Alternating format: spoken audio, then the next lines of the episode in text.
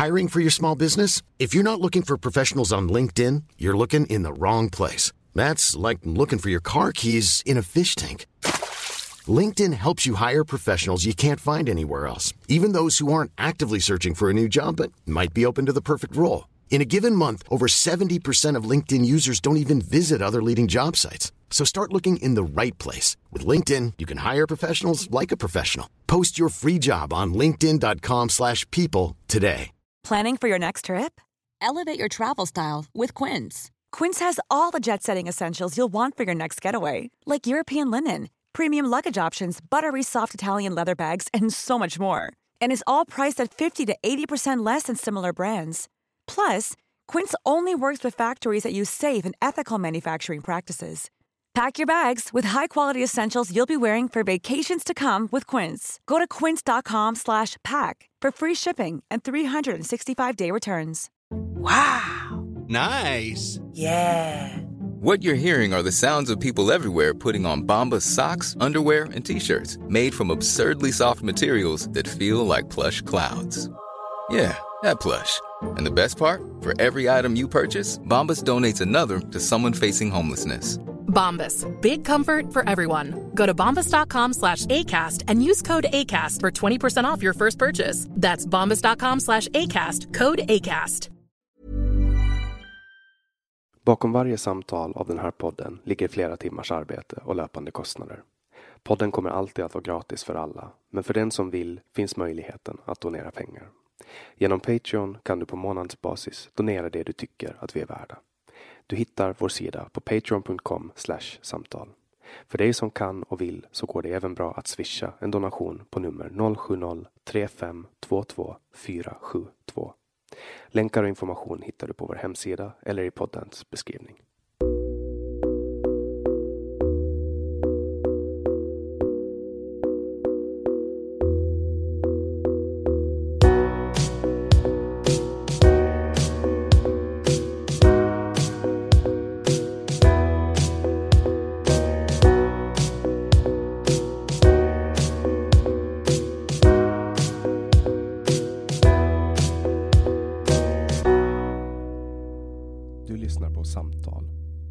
Podcast med fokus på fria samtal.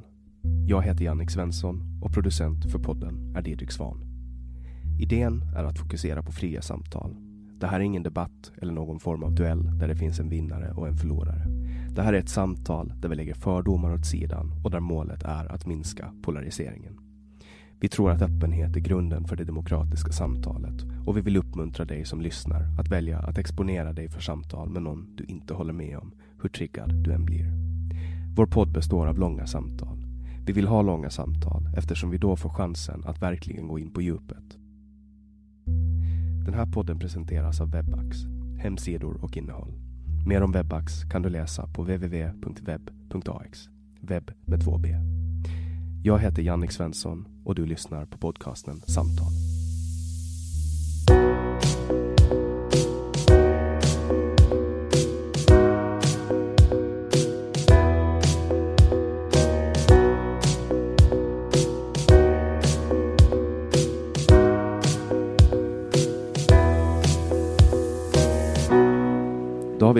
Eberhard är psykiatriker och verksamhetschef på Maria beroendeklinik. Han är också författare till bland annat Trygghetsnarkomanerna och Det stora könsexperimentet. Välkommen David Eberhard. Tack så mycket.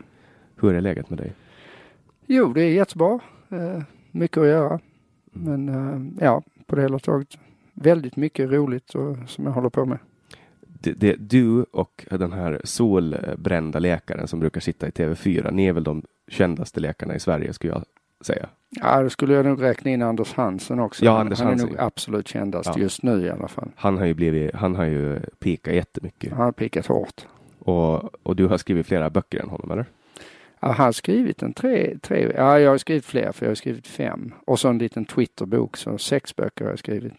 Vad, vad, är vad tror du att, uh, gjorde att Anders blev så känd? Är det för att han har populära åsikter? Nej, så jag och Anders, jag hade ju honom i min podd Hälsa för ohälsosamma som jag har haft ett år. Eh, och han var gäst där i höstas och vi konstaterade ju både han och jag att vi är överens om precis allting. Sen kanske inte han emellanåt tar så obekväma, eh, tar i lika obekväma frågor som jag gör. Men i grunden så är han är psykiater och jag är psykiater. Vi tycker väldigt lika om både den utveckling som skett inom psykiatrin och eh, även kring det här med motion som han har ju blivit jättestor med och, och fört ut till hela samhällsdebatten. Men det här är ju eh, någonting som vi i psykiatrin har känt till i 30 år. Mm. Eller till och med sedan antiken. Man säger en sund kropp, en sund själ. Det, det, det är inte rocket science och det hävdar ju inte Anders heller utan det här är väldigt bra att han har fått ut det här. Han har paketerat det på ett sätt som har varit fantastiskt, tycker jag. Eh, sen, sen blir ju du också anklagad för att ha en politisk agenda. Ja, i så fall är den ju... Eh, det, det, det, det är klart. Uh, uh, vissa saker är, ju så, saker är ju politik, men att jag skulle ha en partipolitisk agenda stämmer inte. Den kritiken kommer ju ofta från vänstern. Ja, det gör den och det, man kan säga min senaste bok, Det stora könsexperimentet, har ju kommit att det, det, är klart att man kan inte hävda att jag tillhör identitetsvänstern. Nej. Det, det vore ju rätt konstigt eftersom jag kritiserar identitetsvänstern. Men däremot att jag skulle vara högerspöke eller ha någon uttalat reaktionär konservativ uppfattning. Det stämmer inte överhuvudtaget. Jag, jag, menar, jag ser mig själv om man ser politiskt som en klassisk liberal i västerländsk mening. För, för i din bok eh, Det stora könsexperimentet så använder du genomgående den vetenskapliga metoden för att bevisa dina teser. Ja, ja, eh, och den är ju inte eh, höger eller vänster får man hoppas. Eh, för i så fall har vi ett stort problem. Ja, men den slår, din bok slår hårt på identitetsvänstern. Bland annat så eh, pratar du om att universitet har politiserats. Absolut. Jag satt faktiskt och lyssnade på Joe Rogan show i, i, igår. Uh, jag vet, du känner till Joe Rogan? Ja, den här podden är en avlägsen släkting. För jag mm. kopierar mm. Navid och Navid kopierar Joe, Joe Rogan. Rogan. Jag vet. uh, nej, men Joe Rogan show, uh, han, han, har, han bjuder in alla möjliga gäster. Han bjöd då, ett avsnitt som jag tittade på igår var där han bjöd in Peter Boghossian och James Lindsay som är två, eh, James Lindsay är matematiker och Peter Boghossian är professor i filosofi. Och de har ju då skrivit eh, fejkade vetenskapliga artiklar inom fält, sådana här identitetspolitiska fält som eh, genusteori, eh, alla möjliga sådana här sociologiska och samhällsvetenskapliga eh, eh områden och eh, bland annat eh, hittade, de hittade ju på för att se om de fick in de här i vetenskapliga artiklar, eh, i, i vetenskapliga tidskrifter, peer review eh, granskade vetenskapliga eh, tidskrifter, det vill säga seriösa vetenskapliga tidskrifter. Och de lyckades då, de, de producerade på några månader 20 vetenskap, fejkade vetenskapliga artiklar inom de här områdena och fick in sju innan de blev påkomna. Det är ju helt otroligt. Ja, och, och en av dem som var någon sån här eh, som handlade om att man, patriarkatet i, i hundrastgårdar, eh, att man kunde då se vilka eh, patriarkala strukturer bland hundarna, huruvida de då eh, juckade mot eh, tikar eller mot eh, andra hanhundar då. Eh, och så hittade de på en massa svammel om det här att Eh, Eh, man kunde ju då se att det var patriarkalt homofobt om det var så att eh, hundarna juckade mot eh, andra hanhundar och fick tillsägelse av sina husse och matte och sådana här grejer. Alltså fullständig rappakalja som man bara kan skratta åt. Den blir ju då prisad som bästa vetenskapliga artikel i någon av de här genustidskrifterna som var en helt seriös tidskrift. Så det går inte att skilja de här eh, fejkade artiklarna eh, från, från, från, det som är, är, är, på riktigt. Det är ju alltså, då, hur reagerar de, folk? Alltså, hur de reagerar? hade ju en artikel om fat, fat bodybuilding som då handlade om att man skulle då, uh, ha bodybuilding för feta och så, massa grejer som var uh, totalt bara, de satt ju och garvade hela tiden de skrev det här. Det, jag rekommenderar det avsnittet, uh, Joe Rogan, när han intervjuar de här. Uh, men, men det här är två superseriösa forskare i Poppersk anda som, som pratar om vetenskap. Och de definierar ju det här eh, som genusteori och så här. Det är ju ren ovetenskap. Det, man har en slutsats som man kom, de kommer alltid fram till precis samma slutsats men och om man kritiserar den här slutsatsen så är man en del av patriarkatet och en del av problemet eller vad det nu är. Och på engelska så heter ju genusvetenskap gender studies. Precis. Vad var det som hände? Vad var det som gjorde att, att svenskan tog ett ord som, som försöker syfta till att det här faktiskt är en vetenskap? För att det är ju studier snarare än, än vetenskap. Ja, som studier, som jag skriver i det stora könsexperimentet, så det, det är inte ointressant att uh, se över vissa tänkbara skäl till varför man mår, ja, varför samhället ser ut som det gör. Eh, men jag kan inte svara på varför man kallar det vetenskap i Sverige. Det är ju inte vetenskap det här, utan det är ju en eh, kraftigt politisk agenda. Eh, att man ska eh, se det som att vi är eh, maktstrukturer och den enda sak man fokuserar på är makt, makt, makt. Ungefär som om makt är den enda viktiga frågan i samhället. Det finns ju massa andra saker som styr varför vi gör som vi gör. Eh, makt är ju bara en av dem och kanske väldigt sällan en sådär otroligt viktig fråga för folk. Den viktiga frågan är kärlek och relationer, kompisar, intresse. Men makt och pengar har ju varit väldigt, alltså kollar du på, på vänstern idag, eller och då min gränsdragning med vänstern handlar om Socialdemokraterna, Vänsterpartiet och Miljöpartiet. De pratar ju väldigt mycket, dels om kapitalet, men sen är det också den här identitetspolitiken som är ganska genomgående för det som sätter agendan. Ja, men, men det intressanta med identitetspolitiken är att när, eh, alltså jag känner ju väldigt mycket människor som är vänster och som, som då har någon form av klassanalys och, och det här är ju en återvändsgränd. Det, det, är också en sak som kommer fram hela tiden, det här att man har någon så, allting är den vite heterosexuelle mannens fel och de är högst upp i prioriteringsordningen. Alltså egentligen är det en gravt rasistisk eh, uppfattning Eh, och sexistisk uppfattning om, om världen där man delar in folk i grupper. Och är du vit heterosexuell man så är du högst upp i hierarkin och därmed så är det rätt, då, då får du alltid sparka på den. Men vi ser ju att det finns ju stora delar av män den manliga befolkningen som det absolut inte är prioriterade eller har, har privilegier på, på något sätt överhuvudtaget utan normal, normalfördelningskurvan mellan eh, hur folk är in, skiljer sig lite mellan könen där eh, det är fler i mitten på normalfördelningskurvan bland kvinnor och fler ute i svansarna eh, för män. Det var en sak som jag skrivit om i det stora könsexperimentet. Vilket innebär att ja, det är möjligt att det finns en grupp privilegierade män. Det ifrågasätter jag inte, men det finns ju också extremt många icke-privilegierade män. Och där tar du ju som absolut exempel. inte alls känner igen sig i det här. Och, och, många exempel i din bok går ut på uh, alltså st statistik där män råkar mer illa ut än, än kvinnor, till exempel med eh, arbetsfall.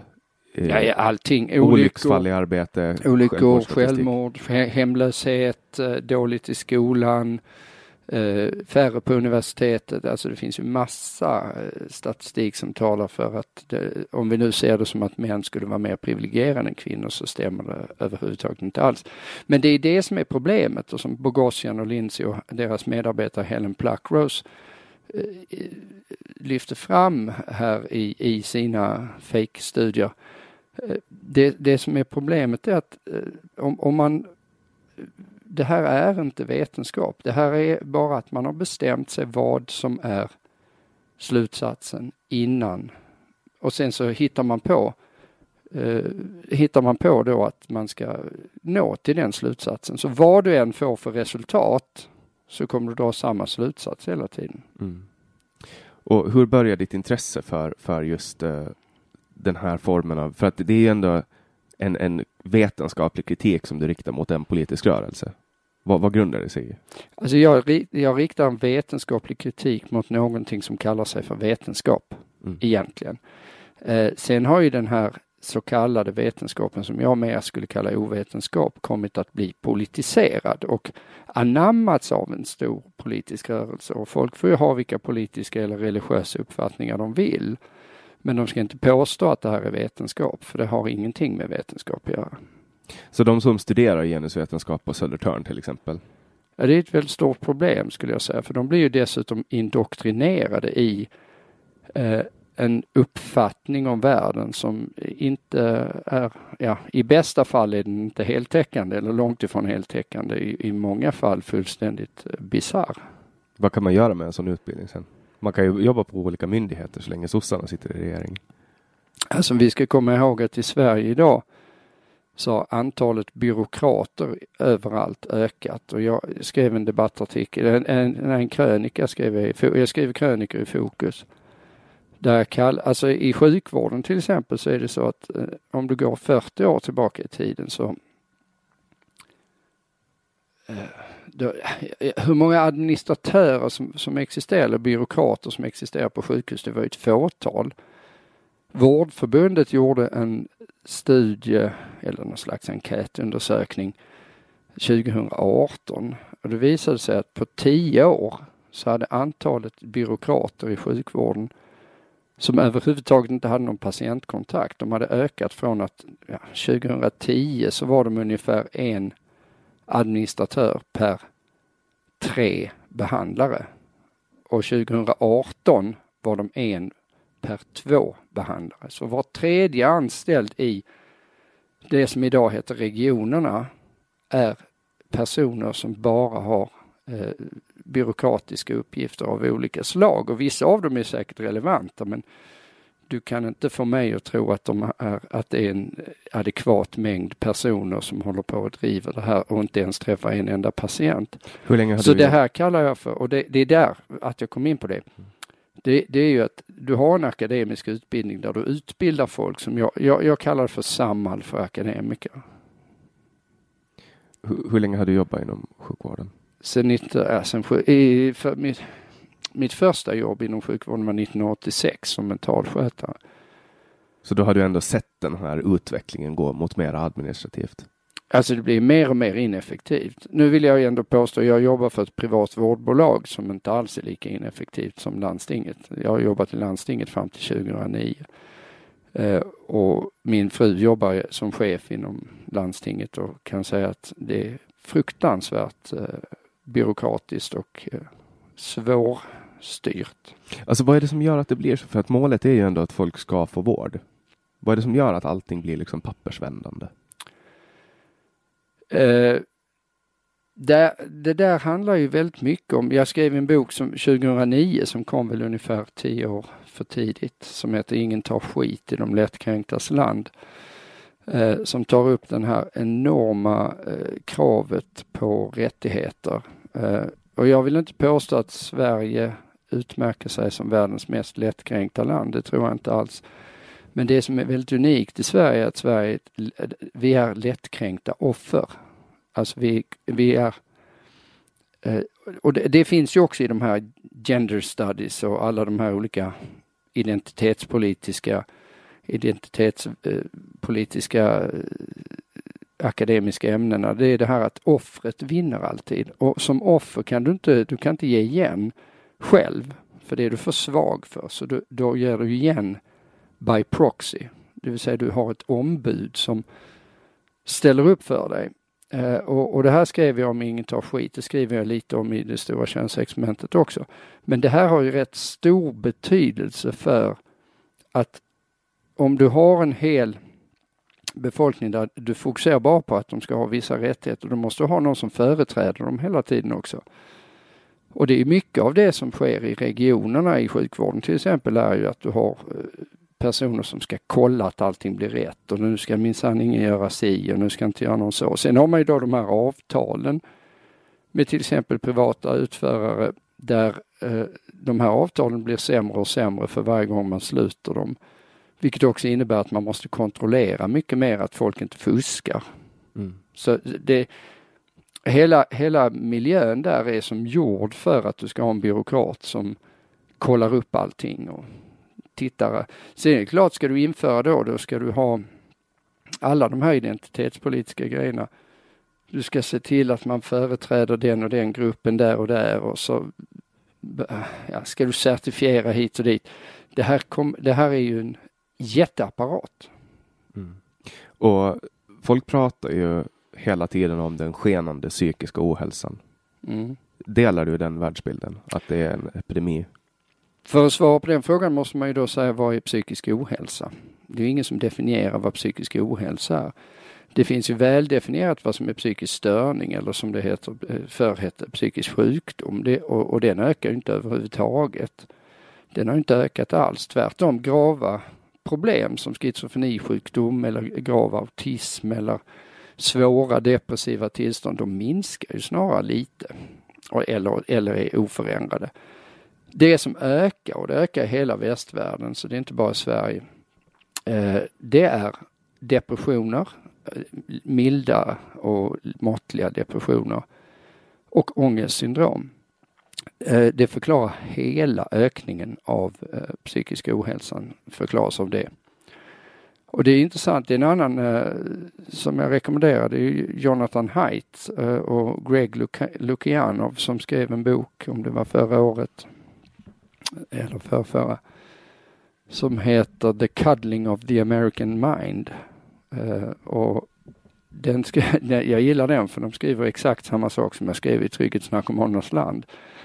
Eh, där, där de problematiserar då att vi har en hel generation som inte har fått lära sig att socialisera och som inte har fått, de har tre saker som de, den unga generationen tyvärr felaktigt har, har fått lära fel. Det är bland annat det här att man har fått lära ut att det som inte stärker gör en svagare.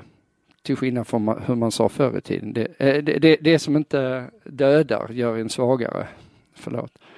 Alltså det vill säga att, att man måste värdera tillvaron som jag skrev i Trygghetsnarkomanernas land. Det, det, är en felaktighet, det vill säga eh, människan är inte, eh, och barn och människan i stort är inte fragila. De är inte ömtåliga utan de är det som Nassim Taleb skrev i sin bok om ekonomiska system, tror jag, antifragila. Det vill mm. säga eh, ju, ju mer man stöter på dem desto starkare blir man. Och det här har man ju vetat i alla tider, men det är någonting som vi har glömt. Det som man ändrar om, hela skolsystemet är byggt på, på att man ska inte trampa barn på tårna. Liksom. Exakt. Och det är självklart att då får man ju snabbt kritiken att ja, du vill att det ska gå tillbaka till 40-talet och så har vi hets och Caligula och man ska vara elak och slå barn och så. Nej, det har jag aldrig överhuvudtaget hävdat. Däremot så det har gått för långt i eh, att man man inte, jag, jag, jag, är ganska övertygad om att datan talar rätt mycket för att man mår sämre av att man inte får lite motstånd. Mm. Ja, det är ju det är precis som att gå till gymmet, att i början så får man blåsor på händerna men sen får man liksom härdnader på händerna mm. och så blir man resistent mot... Ja men precis, eller som det mest klassiska antifragila system, det är immun, immunsystemet. Mm. Eh, det, det, innebär att utsätter man inte immunsystemet för någonting så löper det amok. Mm. Ja, det, och det, sjukvården har ju på många olika plan inkorporerat det med vaccinationer etc. Att man utsätter immunförsvaret. Ja, ja precis. precis. Och, men, men, vi fungerar likadant. Något som Jonathan Haidt också skriver om är ju det här med att eh, vi har fönster då vi lär oss saker eh, psykologiskt. Till exempel så är det ganska välkänt att om man inte utsätts för mänskligt tal första fem, sex åren så kommer man ha väldigt svårt eller kommer omöjligt för en att prata eller väldigt, väldigt svårt i alla fall. Eh, därför att det krävs att man gör det just tidigt i livet och mm.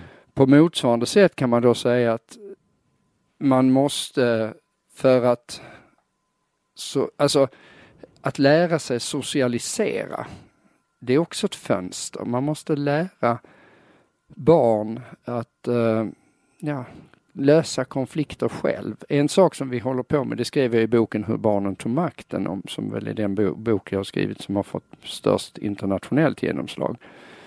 Eh, där, där, skrev jag just, just om det här att om man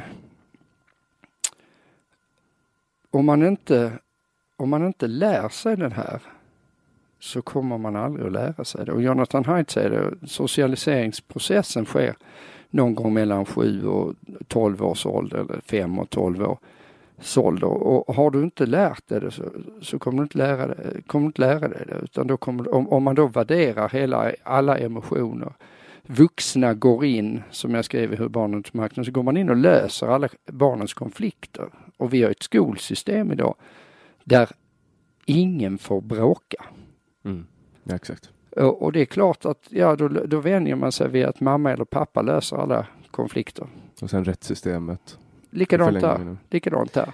För, för där, där är en sak som, som jag funderar på eh, när det kommer till, alltså, och och det har att göra med att erkänna att man har haft fel. Som till exempel det som har uppstått senaste tiden, eller senaste åren, det här med apatiska barn. Eh, ofta barn till flyktingar som kommer hit som söker uppehållstillstånd och, och så är de i ett eh, apatiskt stadie där de inte pratar och de bara, de äter inte och de ligger helt stilla. Och nu har man liksom, nu har det kommit fram eh, tydliga in, indikationer på att föräldrar eh, får barnen att göra så här.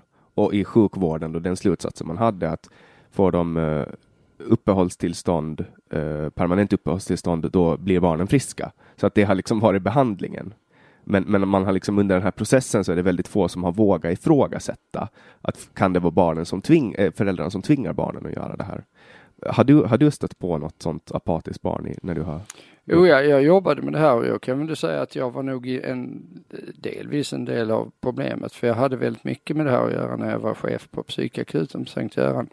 Men jag vill ändå påstå att vi som jobbade med det här en del då eh, faktiskt var ganska medvetna om att det här hade att göra med eh, hur föräldrarna agerar.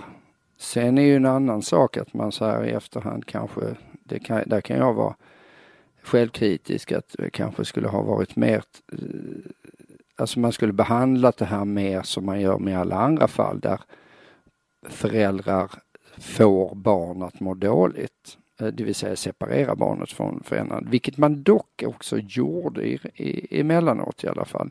Men vad man också, det, det som var det, det som var problemet var att den, det, det är återigen, äh, går du tio år tillbaka i tiden som det här är, det, det var helt, det, det, och det här är ju skrämmande och det är det vi ser nu, jag försöker ändå säga vad gäller genusteorier, så här, när det kom till den frågan, det var en omöjlighet äh, att gå på det här. Men ni hade riktlinjer att ni inte skulle sära barnen från föräldrarna? Riktlinjen var att, att de skulle ha en behandlare i hemmet. Men folk tr- trodde på riktigt att det här var liksom krigsskador? Nej, det, det trodde man inte. Man trodde absolut att det här hade med föräldrarna att göra. Eh, det, det är inte så. Eh, men däremot så kan man ju då säga att man kanske inte trodde att de medvetet gjorde det. För alltså, det som, den bild man fick av media under den här tiden var ju att, att det här är extremt traumatiserade barn som har tappat Nej, talförmågan. det, nej, det var det aldrig. Eh, det, det var ju väldigt uttalat redan då att de här barnen inte var apatiska i sina hemländer utan blev det här. Och eh, jag såg det väldigt mycket då som att, eh, och där kan man ju dra olika slutsatser, men att det handlade om en extremt utdragen asylprocess som ju i flera fall kunde handla om åratal. Eh, där man lever i limbo under extremt lång tid. Och dessutom i kombination med en kultur hos de här föräldrarna eh, som med, medvetet eller omedvetet, det lägger jag mig inte i, eh, visar sig kanske i efterhand att det var mer medvetet än vad vi, vad vi var medvetna om i alla fall. Eh, men, men där man behandlade barnen som om de låg i en sarkofag ungefär, du vet. Och jag var ju hemma hos de här familjerna då och då, ganska mycket. Och och det, det var neddragna persienner, det var in, inget ljud, man tassade på tå, eh, Inge, man pratade tyst, man behandlade dem som att de var dödssjuka. Och då kan man säga, gjorde de det medvetet eller gjorde de det av omtanke? För förr i tiden om du går tillbaka till Sverige och på 1800-talet så var det ju så att när någon var sjuk så skulle man liksom ta det lugnt väldigt mycket och, och de behandlades på det sättet. Så det vi gjorde när man kom in, in i de här hemmen, det var ju att sätta på tvn på högsta volym och, och, och radio och prata högt och klampa och så här för att då bryta det här. Men man var, och det kan man väl säga nästan ännu värre, för man var ju helt medveten om att det här var eh, föräldrarnas agerande. Och, och hade det här varit svenska, etniskt svenska barn så hade man förmodligen tagit dem till ett familjehem eller så här. Och det borde man ha gjort. För, för I mycket måste, högre utsträckning. Det måste ju ändå ha funnits någon där som, som liksom förde vidare den här kunskapen att om, om barnen blir apatiska så ökar sannolikheten att man får permanent uppehållstillstånd. Eh, För att Det är ing- mycket möjligt. Det, det var ju inte bara barn där utan så var ju, det fanns ju då eh, vid tidpunkter i samma, vi hade jättemånga sökande på psykakuten och där var alltså vuxna när jag var chef där och innan dess också som, som försökte hela tiden få intyg om att de då hade psykiatriska problem. Och där var vi ju väldigt hårda från psykakuten att vi skriver inte det. Och jag brukade ställa frågan om du, om du skulle få permanent uppehållstillstånd, skulle du då må bra? Eh, har du inga psykiatriska problem då? Då, sa, de, och då svarade väldigt många, ja, ja, då skulle alla mina problem lösas. Och då svarade jag, ja, då har du ingen psykisk sjukdom. Så då kan jag inte skriva något intyg. Och hu- hur reagerar patienter på att du sa så? Det är klart att en och annan blev väl lite, det var en klar missräkning. Eh, Men rätt många hade rätt stor förståelse för det. Men de var ju desperat. Det man får komma ihåg här, det här handlar om desperata människor. Mm. Eh, Och det gäller ju både föräldrarna till de apatiska barnen och de här så andra vuxna personerna som, som det var. Vi, vi försatte dem i ett fruktansvärt dilemma. Mm. Eh, och, och, och det tycker jag man missar nu. Det, jag menar skulden här, det är möjligt att det fanns någon ideolog, eh, det fanns ju en ideologisk skuld i det här. Men den skulden eh, hamnar oerhört mycket på vi som jobbade med det här hamnade ju i en situation som var helt omöjlig för oss. Och skolsystemet också. Det var ju alltså regeringen sköt ju ner det här på de som jobbar på, på marknivå så att säga. Och, och där har ju skolsystemet har ju också fått sig en ordentlig smäll av hela den här krisen som ändå har pågått i Sverige. Skolsystemet kan vi prata länge om. Det skrev jag mycket om i, i hur, hur barnen tog makten. Skolsystemet är ju eh, riggat för problem. Där, det, och där kan man ju komma tillbaka till den här, eh, ska vi säga, ideologiska så kallade vetenskapen som inte har med vetenskap att göra, som också har inf- infekterat även andra institutioner än genusteori.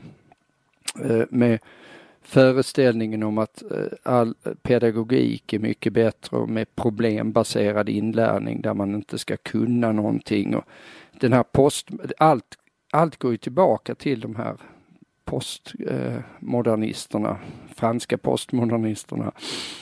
Eh, som, som hävdar att det finns ingen äkta kunskap, det finns ingen, eh, allting är relativt och, och, eh, och det, det har ju påverkat hela skolsystemet där man då eh, nedmonterar det att det här är bara ointressant. Det är ointressant att veta vad huvudstaden i Frankrike heter eller det har du ingen nytta av. Utan du ska kunna resonera. Men problemet är att om man, om man resonerar utan kunskap ja då blir det som Stefan Löfven säger, då blir det bara käbbel.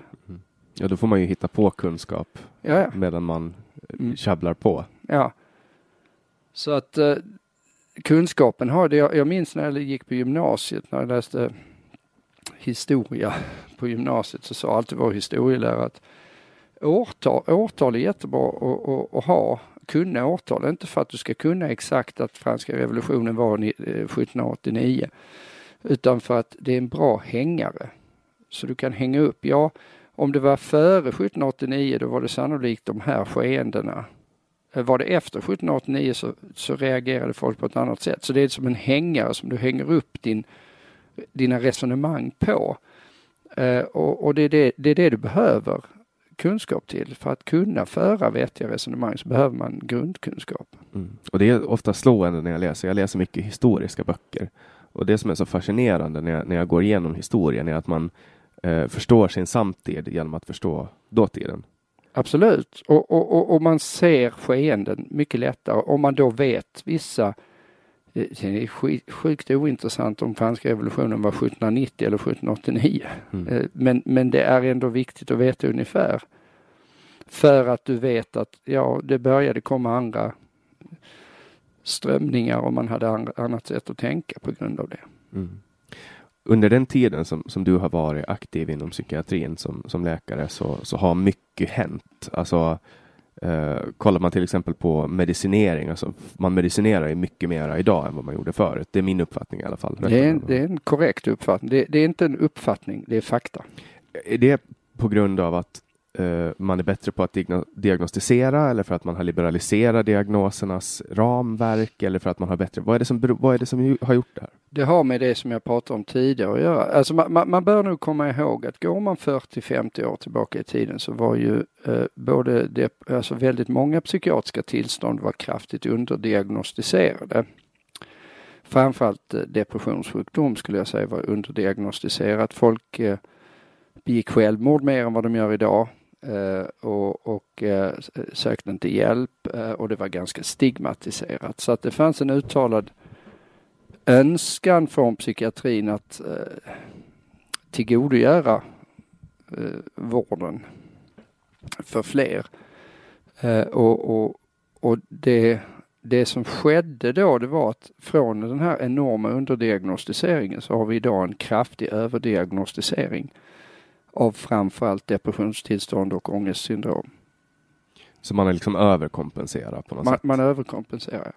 För det kan jag ändå, liksom, man känner ju någon form av gemenskap med folk som säger så här, ah, nej men det, det, det, är vinter, man blir lite trött och man orkar inte med livet och man vill bara gå och lägga sig. Alla känner ju igen det liksom. Mm. Och de flesta, det känns så, som att de flesta här i Sverige eh, kan på något sätt under vinterhalvåret eh, klassas ha någon form av mild depression. Håller du med mig? Nej. eh, nej, ja, ja, folk är lite deppiga. Mm. Mm. Det håller jag med om. Men det är inte, det, det, är viktigt. Eh, jag har en kollega, Stefan Kakowski, som är väldigt tydlig med, tycker han gör väldigt bra även offentligt. Eh, pratar mycket om att eh, man måste skilja psykiatri från eh, normal fenomen. Jag har också skrivit om det i boken Normalt. Frågetecken. Heter Normalt från vansinnesdåd till vardagspsykoser. Där, där, där, där det, det, viktiga är att alla kan, som du, jag tror det är det, det du är inne på, är att alla kan känna igen sig väldigt mycket av de symptom man har vid psykiatriska tillstånd. Mm. Eh, men det är fortfarande en, det är ingen gradskillnad bara, det är en artskillnad. Har man träffat någon som är djupt deprimerad så kan man säga nej det känner jag inte igen mig Mm. Alltså det, det, är helt annorlunda.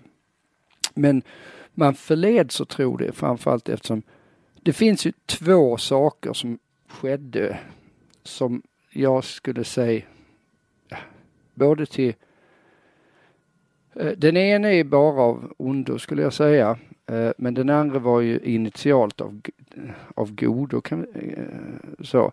Men det, även psykiatrin har ju, det är inte bara eh, gender studies som är eh, infekterad av ovetenskap. Även psykiatrin har ju varit det.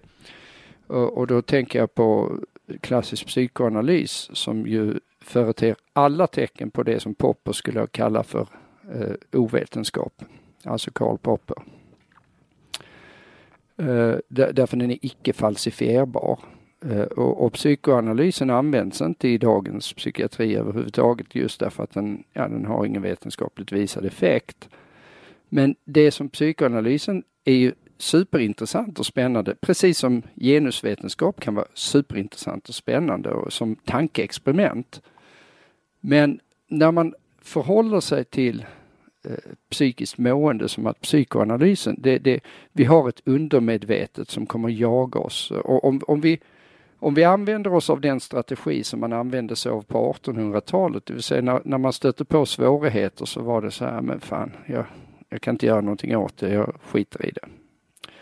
Så sa psykoanalysen väldigt tydligt att det kommer förfölja dig till dödagar. Mm. Du kommer aldrig över det. Och det stämmer inte.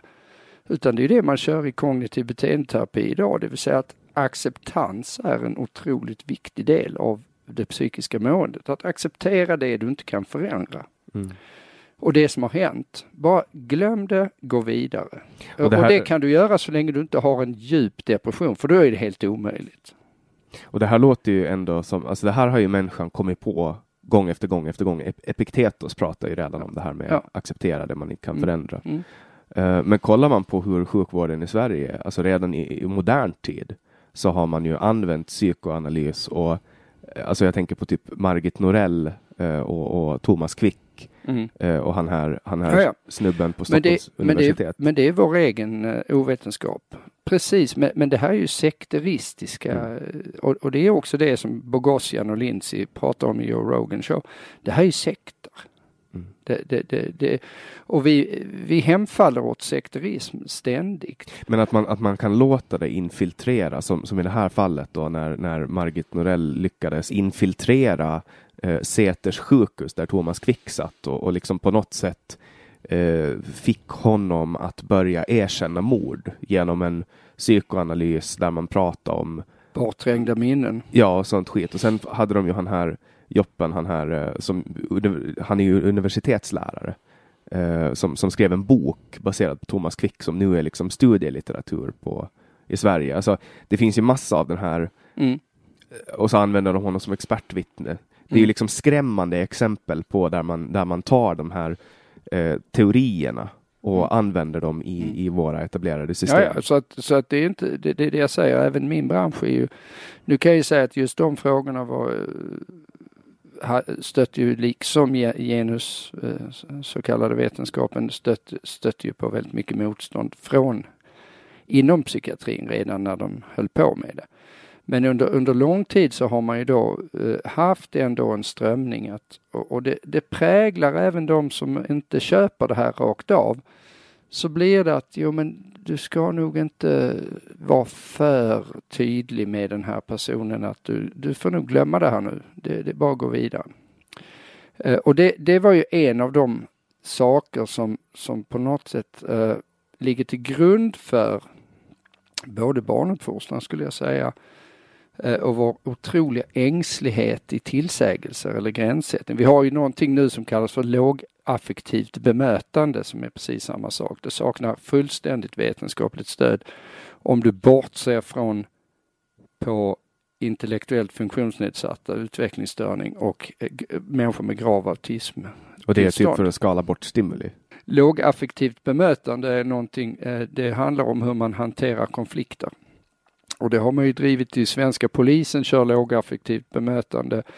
Hjulstaskolan i Stockholm införde lågaffektivt bemötande till eleverna vilket ledde till att man hade en, en flerfaldig ökning av incidenter där elever slog lärare etc. Därför att enligt lågaffektivt bemötande så ska man aldrig ta en konflikt. För eh, det är i gränssättningssituationer som, det blir, som folk blir skadade.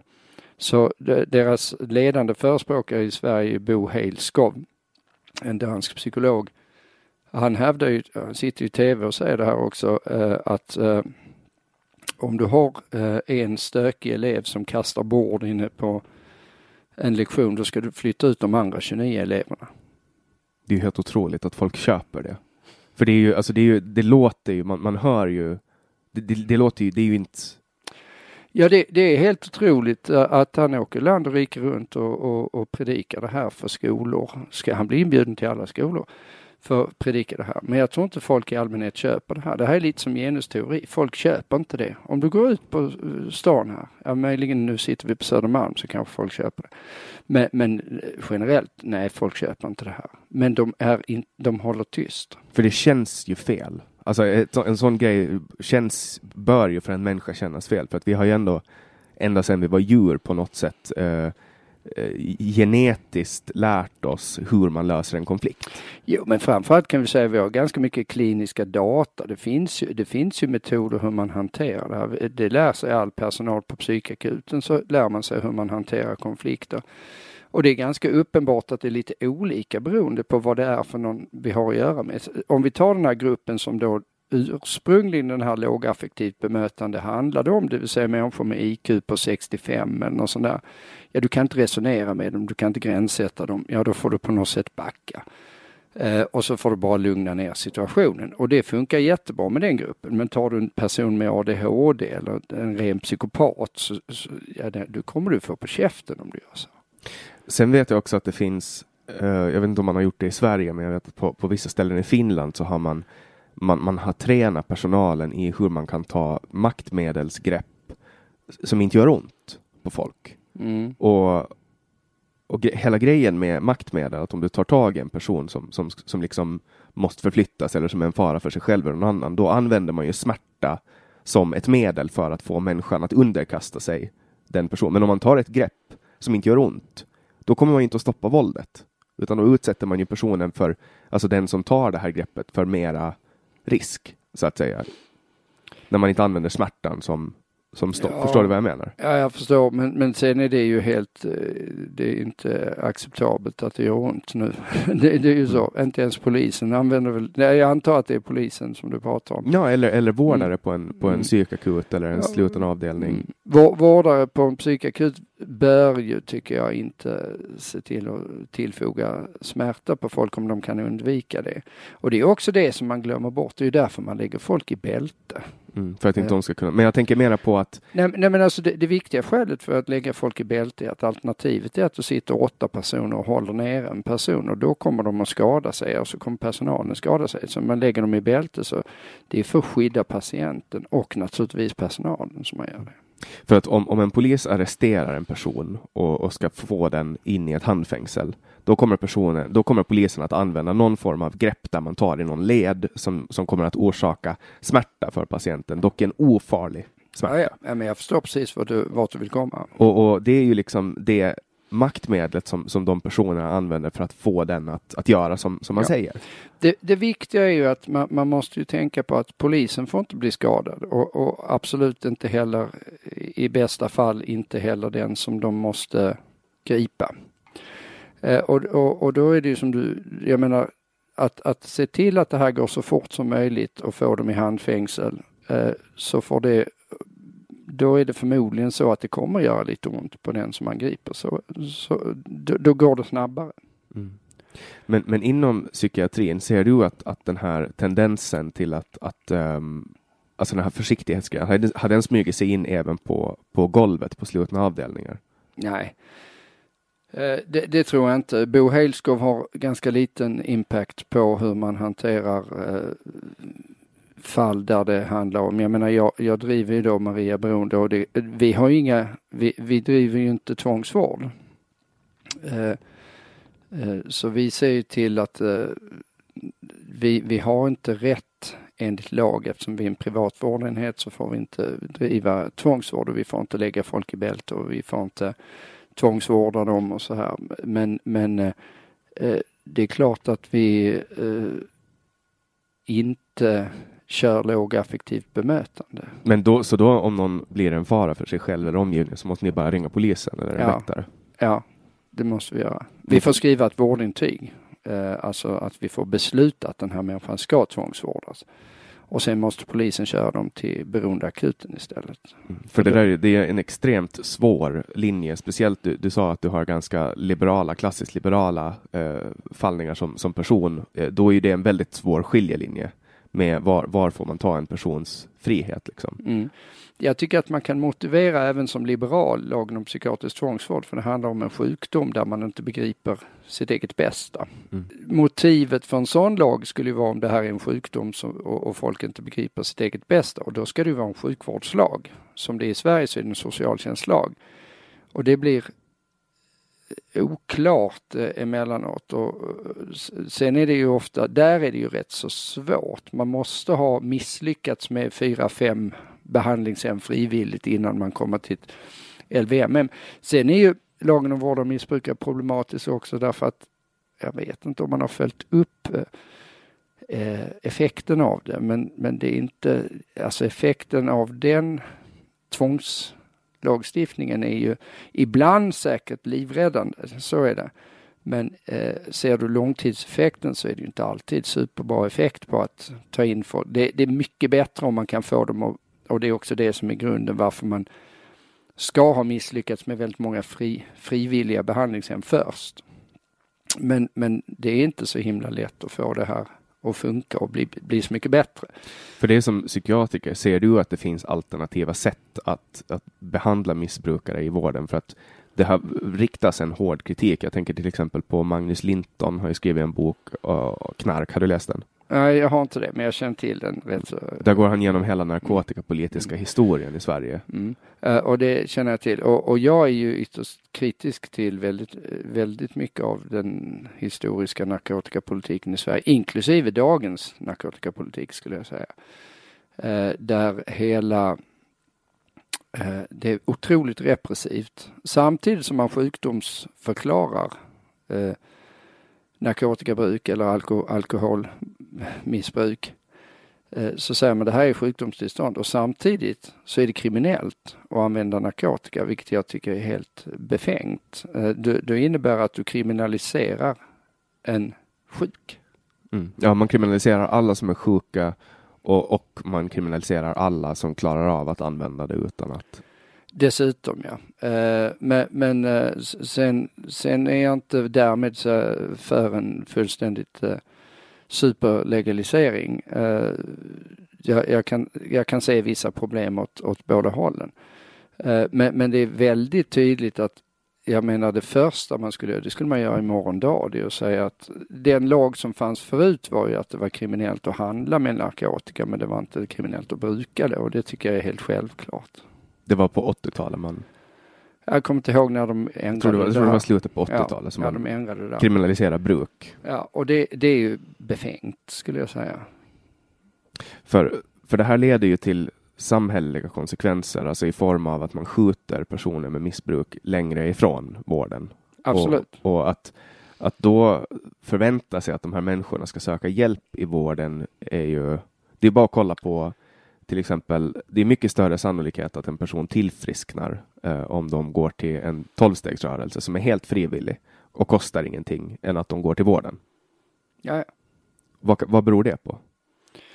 Eh, tolvstegsprogram, vi har faktiskt det på Maria. Eh, eh, det är väldigt få, få som har det på, inom sjukvården det klassas ju som humbug på något sätt. Inom... Nej, det är inte alls humbug om du får kolla Socialstyrelsens uh, evidensgradering av olika behandlingar så ligger 12 steg ganska bra till.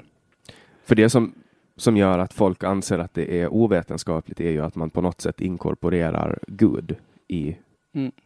ja. behandlingen. Eh, man inkorporerar någon form av religiöst medvetande mm. kan man väl säga.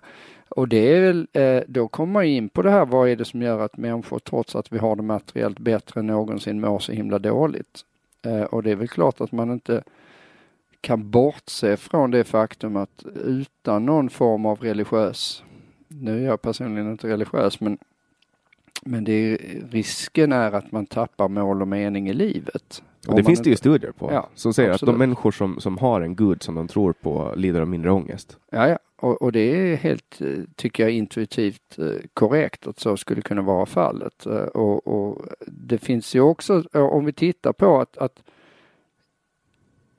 att se vad är det som gör att folk mår bättre? Jo, en sak som redan Viktor Frankl, en judisk eh, psykiater som satt i koncentrationsläger under andra världskriget, han fokuserade på det här med meningen.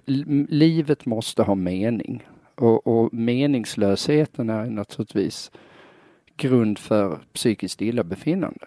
Eh, och, och, om den meningen är att du ska spela boll med dina kompisar eller om den meningen är att du hittar Gud, det spelar inte så stor roll. Mm. Så länge man har en mening. Exakt.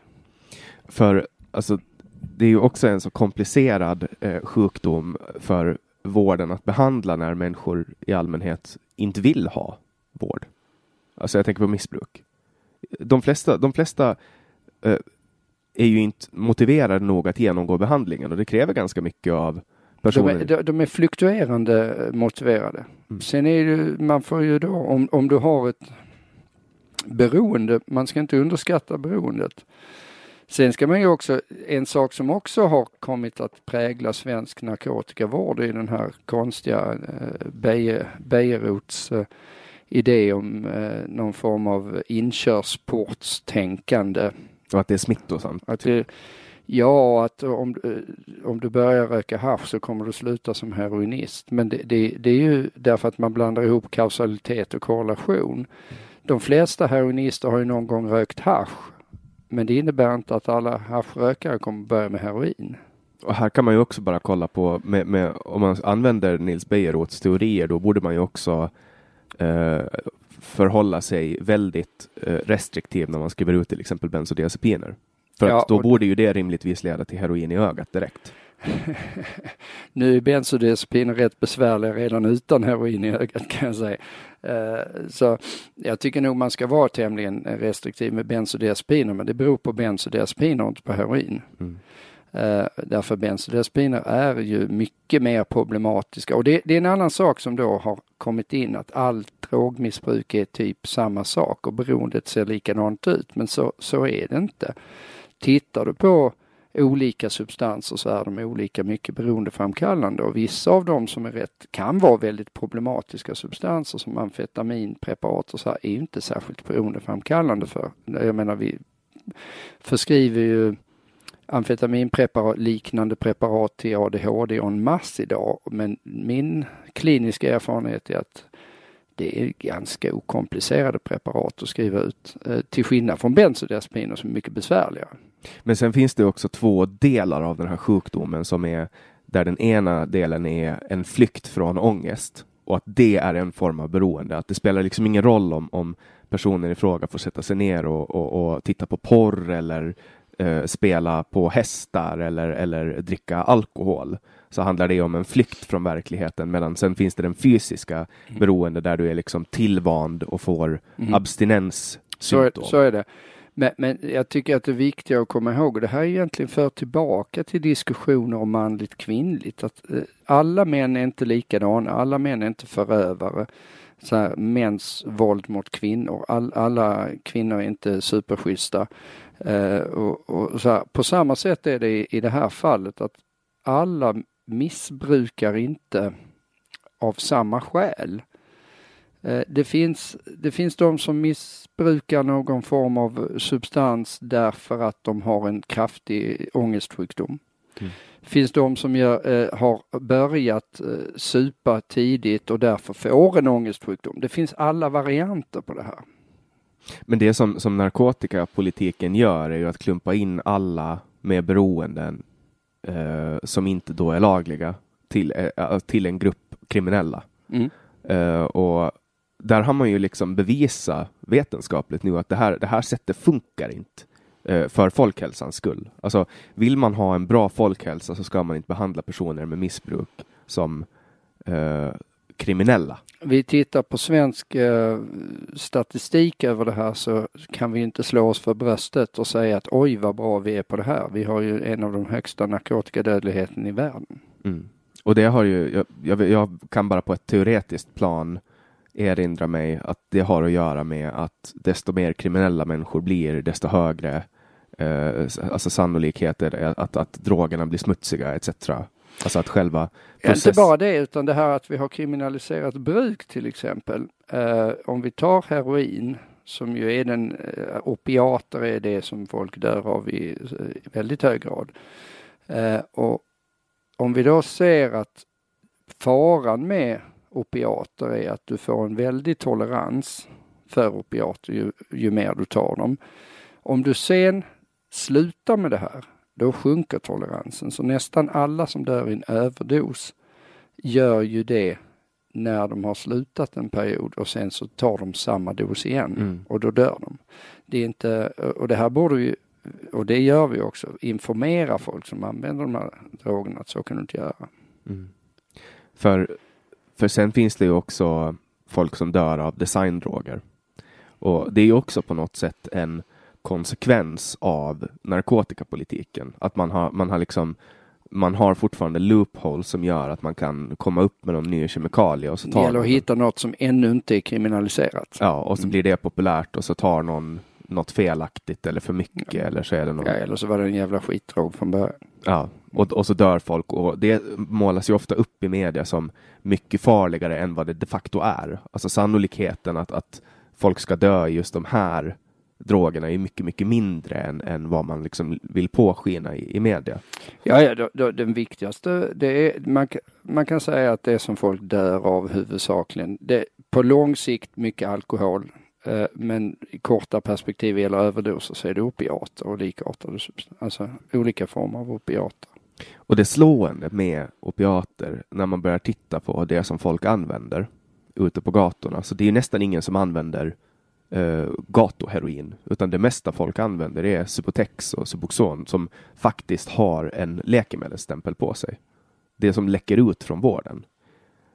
Och, och det är ju alltså, det är ju ganska slående för att det är förbjudet, men, men, men det, det mesta som, som finns på marknaden, den svarta marknaden, är tillverkat lagligt i en fabrik. Mm. Och ännu mer i USA där det är mycket Oxynorm och Oxycontin och verkligen så här smärtstillande preparat som eh, har ju, där har man ju fått en ren epidemi av det här. Men hur kan det komma sig? Alltså hur kan det vara på det sättet? Att det läcker ut? Ja. Ja, det är delvis, eh, delvis beror det ju på att det här är, är eh, vi har ju en ny och den är jag i och för sig oerhört positiv till. Vi har ju en ny lagstiftning eller riktlinjer från Socialstyrelsen från 2016 som säger att vi ska inte vara så repressiva som man var förut utan nu håller vi på med det som kallas för harm reduction när det gäller tunga opiatmissbrukare, heroinberoende eh, personer. Eh, och det innebär att man kastas inte ut från, eh, även om man inte sköter sig hundraprocentigt eh, eh, i metadonbehandling och Subuxon och så här, eh, buprenorfinbehandling eh, så blir du inte utkastad per mm. automatik, vilket hände förut. Och vi införde det här innan vi tog över Maria så införde man en mer sån här harm reduction strategi och sen dess har vi faktiskt inte haft ett enda dödsfall på vår LARO. Det heter LARO-mottagning, lä läkemedelsassisterad eh, rehabilitering av opioidmissbrukare. Det som förut var substitutionsvårds... Ja, ja LARO heter det. Eh, och vi har inte haft ett enda dödsfall på tre år eh, på Maria sen dess. Men eh, nackdelen är att eftersom vi då har att göra med trixigare typer så, så lyckas de emellanåt och, ja, få ut de här preparaten. Mm. De, de lägger dem under tungan och så. Vi, vi är ganska noggranna med att se till att de sväljer. Alltså man måste ju ta det här läkemedlet framför en sjuksköterska som ska se att du verkligen tar det. Metadon läcker inte ut alls lika mycket eftersom det är, eh, man dricker det. Så det är svårare att smuggla ut. Mm. Men sen tänker jag också det, det måste finnas alltså, större läckor högre upp i distributionskedjan. Finns det abs garanterat mycket större än det här. Men vi har ju bara på golvet en del läckage. Även om vi försöker minimera det stenhårt så, så är det svårt att helt uh, bli av med det. Men absolut är det ju så att det stora läckaget kommer ju från uh, någon som tjänar en jävla massa pengar på det högre upp. Mm. Det är väl ungefär som Alltså när man kollar till exempel på fängelser eh, interner på fängelser har ju i regel nästan alltid tillgång till narkotika. Jag vet inte om du läste Jens Garnman och Mustafa Panshiris bok Det lilla landet som kunde. Jag har inte läst den ännu. Jag är ganska fräsch. Jag tror det var där jag läste det, eller så var det någon annanstans de intervjuade en eh, om det var dem eller någon annan. Jag låter det vara osagt, men jag läste i alla fall att det var någon som intervjuade någon fängelsedirektör i Japan och de sa Ja, hur hanterar ni det här med drogerna på fängelserna? Frågade då. De frågade fängelsedirektören det. Varpå han så helt frågande ut. Vad, vadå? De sitter ju i fängelse. Finns inga droger här. Så uppenbarligen går det, men inte med svenska metoder. Nej, där, för där handlar det ju uppenbarligen om att det är personal på för fängelset ja. som, som gör det. Det måste ju vara något sånt. Och, och jag tänker att det ska det ska ju vara ganska lätt att komma åt ett sådant problem. För jag, jag vet flera personer. Å, åk till Japan så kan de nog lära oss hur man gör. Ja, det är väl att de, om, om de smugglar så tar man av dem uniformen och så kastar man in dem i en cell. Förmodligen är det väl så de gör.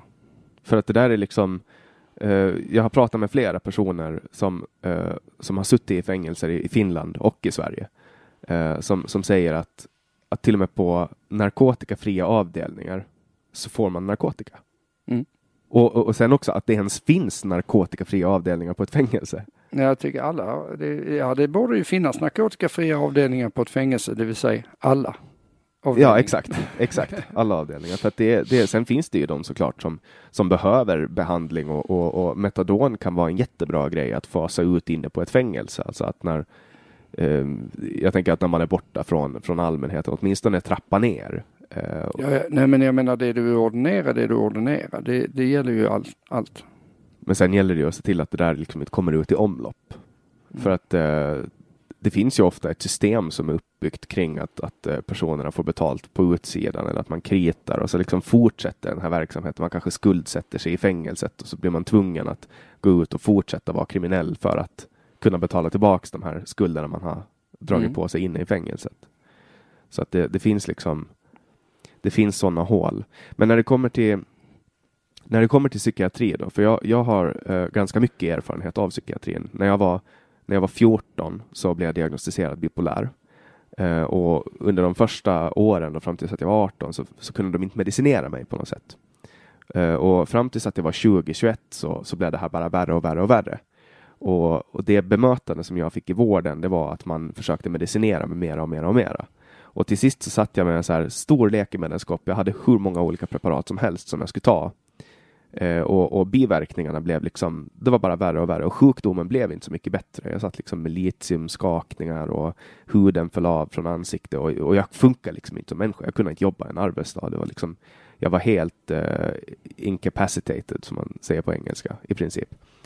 Eh, men sen eh, fick jag nog och så satte jag stopp för alla mediciner och så började jag träna Mm. och, och, och tog bort kolhydrater. Och nu har jag liksom, nu har jag uppnått det som så nära man bara kan komma ett, ett normalt liv. Alltså jag har i princip eh, symptomen från min sjukdom eh, går inte att jämföra som det var förut och det är bara för att jag har plockat bort eh, kolhydrater och börjat träna. Och, och sen också jobba med vissa former av KBT till exempel och, och just det här som vi pratar om, att hitta en mening eh, med livet. Eh, och ur mitt perspektiv, när jag har gjort den här förändringen, så ser jag folk, för att bipolär sjukdom, det är ingen ovanlig sjukdom idag. Absolut inte. Och jag ser folk som fortfarande lider. Och jag vill ge dem min lösning. Jag vill säga så här, men du, klipp kolhydraterna och börja träna. Så kommer det här det kommer att bli bra. Liksom. Det tog ju ungefär ett år. Eh, men ur mitt perspektiv, och, och jag pratar jättemycket om det här, det, alltså, det har blivit, du vet när, när man blir frälst på något sätt. Ja, ja, ja. Eh, ser du upp, delar du på, på min syn det här med, med träning och kolhydrater inom, när det kommer till psykiatriska diagnoser? Eh, när det gäller träning, absolut. Sen gäller det ju också det även där att, och då kommer vi tillbaka till, jag sa det var två saker som hade hänt eh, under, eh, ja, det här, det ena som var lite destruktivt var psykoanalysen eh, och, och det andra som har hänt när det kommer till den här utvecklingen av psykiatrisk eh, översjuklighet eller vad vi ska säga, eller ökningen av psykisk ohälsa i alla fall, det är ju symptomdiagnostiken eh, som man införde eh, för att eh, uppmärksamma på att folk skulle känna igen sig. Det innebär att det krävs mindre och mer, folk känner igen sig i de här symptomen som vi pratade om inledningsvis. Och det innebär att då, då tror man att man lider av någonting. Det vill säga att de här diagnoserna blir bredare och bredare.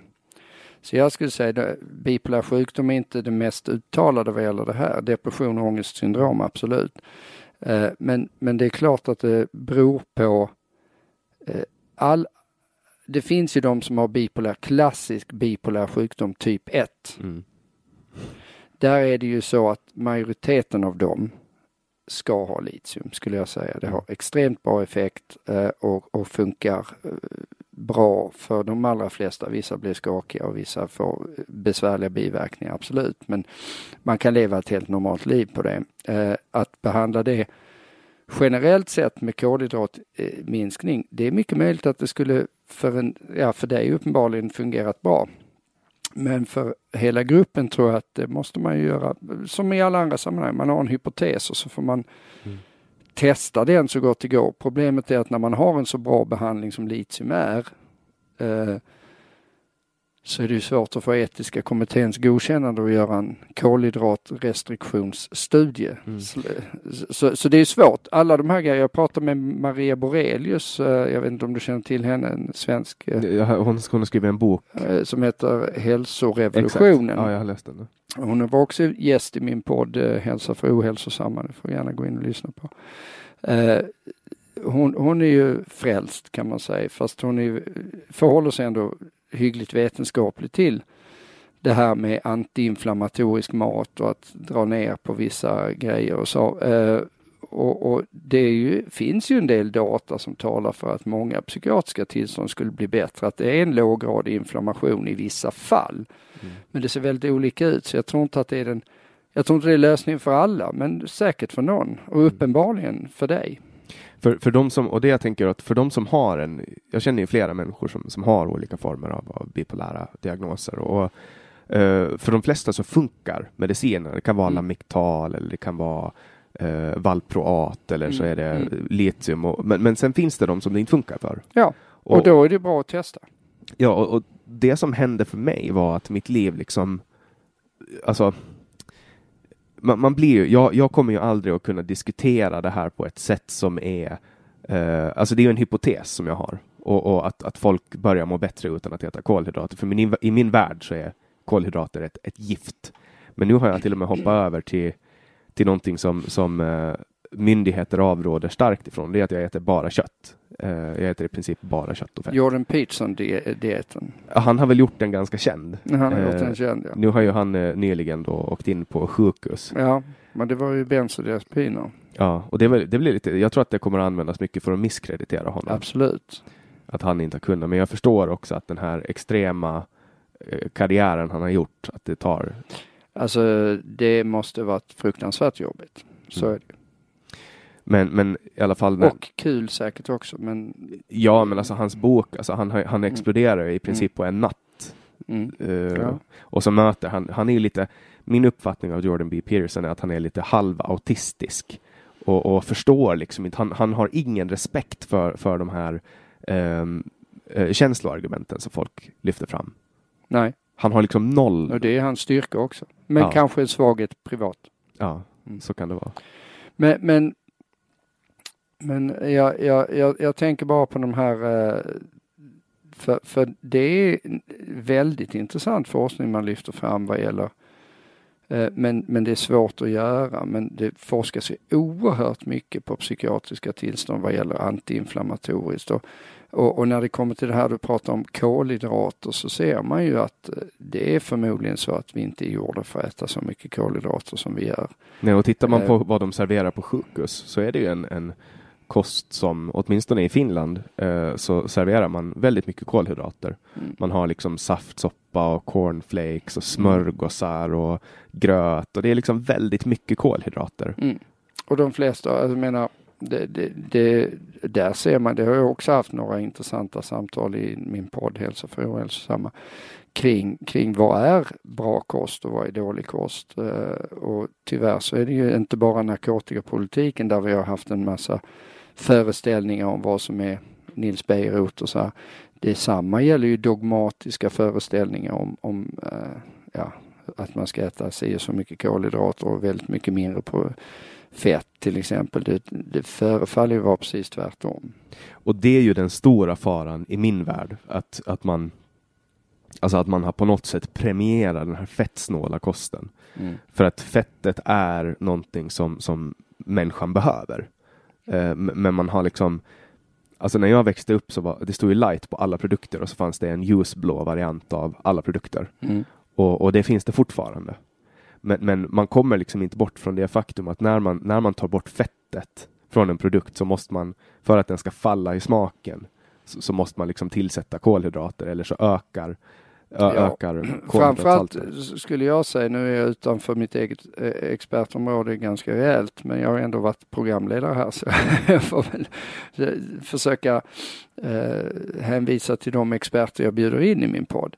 Eh, men, men, en sak som är ändå påtagligt med fett, eh, en viktig faktor som fett gör är att det är mättande på ett mm. helt annat sätt än kolhydrat. Så det är otroligt mycket svårare att överäta väldigt mycket fett än att överäta kolhydrater. Och sen finns ju också mycket kritik riktat från LCHF-rörelsen med Andreas Enfeldt i, i spetsen. Om, alltså kritiken mot Ansel Keys och, och hans eh, vad var det, Four, Five Country Studies eller något sånt. Där han, där han, det sägs att uh, urfadern till fettskräcken uh, cherrypicka i forskningen och valde fram länder där han bevisade att fett ledde till hjärtinfarkt etc. Ja, det var några kareler va?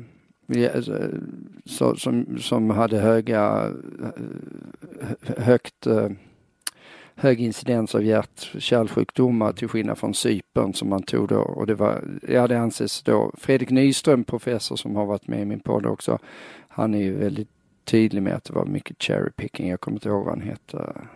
Ansel Keys. Ansel Keys, just det. Mm. Och, och, och, han får ju hela tiden kring öronen av, av den här LCHF-communityt. Har du träffat Andreas Enfeldt i din podd? Nej. Han är ju kostdoktorn. Mm. Han är ju liksom en stark företrädare till LCHF. Mm. Eh, jag, har, jag, jag känner till det. För jag, jag har gått igenom alla dieter. Jag har till och med gått igenom vegandiet.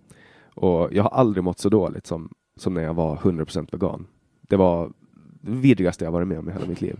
Ja. Vad, vad, tror du om vegantrenden på ett, på ett läkarplan? För du är ändå medicinsk doktor i grunden. Nej men alltså det, det går ju att överleva på vegandiet så länge du käkar lite extra vitaminer. Men det, bara det säger ju att det här är eh, kanske inte riktigt det eh, gjort för människan eh, ursprungligen. Eh, sen, sen är ju problemet med vegandiet, det är ju att det precis som mycket annat av det vi pratat om i podden är ju en religiös föreställning för, snarare än en, en, eh, någon vetenskaplig hållning, både vad gäller att det skulle vara särskilt nyttigt eller att det skulle vara bra för moraliskt eller att det är synd om djuren. Så det, det är religiösa uppfattningar som folk har. Och det, ja, Samtidigt har jag sagt att folk får gärna ha sina religiösa uppfattningar. Det, det är bra för folk att ha religiösa uppfattningar. Bara de, bara de, jag har inget emot religion så länge den inte är missionerande. Men sen finns det ju, sen finns det ju bättre eh, religiösa ting, till exempel som inom islam så fastar man. Och det är jättebra för kroppen. Superbra, ja. Om man kollar på, på liksom de studierna som finns. Och, och um, alltså... Det gjorde man ju i kristendom förr också. Det är väl ingen som gör. Det beror på att folk är så sekulära som har slutat fasta. Ja. Men det är, det är också någonting som, som jag kör, eller som jag gör. Jag har ett, ett nu kör jag ett, ett, ett mål om dagen och har gjort det under. Den här eh, att man eh, äter åtta timmar. Ja, fast, fast jag har kortat ner det. Jag började med att äta åtta timmar och så hade jag 16 timmars fastefönster. Mm. Och då åt jag två måltider, alltså lunch och middag. Mm. Men nu äter jag en gång om dagen. Mm. Det är mycket bättre för, för min mage. Liksom. Uh, och man måste ju också lyssna på sin kropp.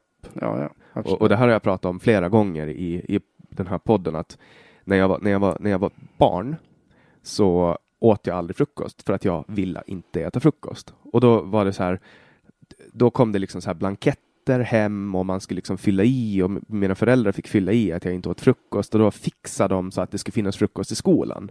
Så att de som inte åt frukost hemma skulle få frukost i skolan. Så vi fick liksom komma dit en kvart tidigare och så fick vi äta yoghurt med cornflakes och saft och banan liksom. Uh, för att frukost är det viktigaste målet på dagen etc. Och det var liksom så här att... Men det, det där är en typ, typisk sån här föreställning som har visat sig vara fullkomligt felaktig. Det, det är ju åt uh, Fredrik Nyström som var med i min podd som påtalade ganska tydligt att är det någon kost som ändå visar sig vara lite bättre än annan kost uh, utifrån de studier som finns så är det ju medelhavskost. Men det intressanta i Sverige är ju att när vi använder medelhavskost då har vi ändrat på den. Mm. Så den svenska medelhavskosten inom citationstecken, det är ju inte medelhavskost. Medelhavskost är att du låter bli att äta frukost. Mm. Du äter, eller äter pyttelite frukost. Och dessutom så dricker du två glas vin om dagen. Mm. Det är medelhavskost. Och så utöver det som vi har anammat i Sverige. Men, men när du då säger att du ska äta medelhavskost och sen så ska du dessutom äta en stor tallrik gröt. Det är inte medelhavskost. Nej, alltså det är mycket. Man ska ju äta liksom olivolja och smör, riktigt ja, smör. Och, och, och de har ju inbyggt i kosten en slags fasteperiod eftersom man inte äter frukost. Mm. Och, och det här är liksom för mig när jag har börjat, för att jag har alltid känt i kroppen att jag ska uh, inte äta frukost. Jag har mått bäst när jag har ätit första, uh, när min första måltid är lunchen.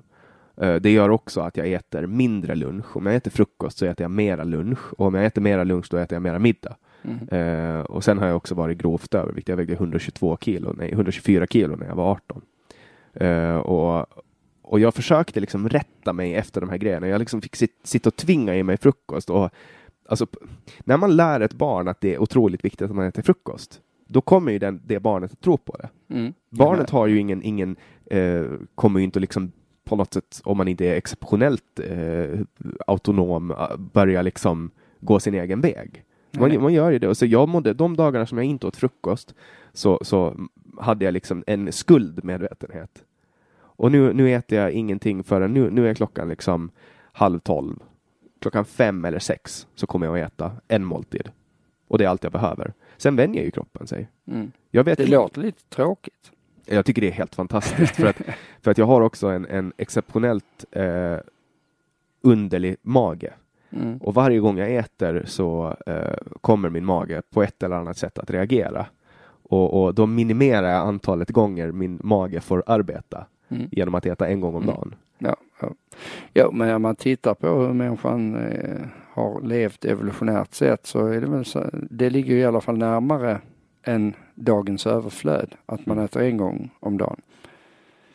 Men sen, sen har jag också det här, det här med att träna. Jag har ju aldrig tyckt om att träna. Alltså det har varit, eh, jag fick dåliga associationer. Alltså när man växer upp som överviktig i ett land som, som Finland eller Sverige så, så kommer man att ha dåliga eh, associationer till en, till en arg idrottslärare i Adidas-kläder, en visselpipa och ett stoppur. Alltså det, det, det är det värsta som finns. Eh, så jag Jag, all- hade också en eh, arg idrottslärare med visselpipa och Adidas-kläder. Det verkar vara generellt. Ja men alltså det, jag, tror att, jag tror att det är generellt. Det är, alltså, jag tror att de föds med de här Adidas-kläderna. Det kan vara så. Kan vara så. Och så föds de upp och så bara blir de idrottslärare. Jo, precis. De kom ut med Adidas-kläderna och tänkte jag, det fick bli idrottslärare för mig. Och de finns på alla skolor. Ja, Och de är arga. Ja många är nog väldigt arga. Kommer in i omklädningsrummet och skriker efter. Mm. När man står och kollektivt duschar i någon form av duschfabrik efter usch. Det, alltså, det finns ingenting jag har så dåliga minnen från som, som eh, gymnastiken i skolan. Men nu har jag lärt mig eh, att, att det är kul att träna. För att det är ju som en, alltså, jag kommer ihåg första gången jag fick en eh, runners high.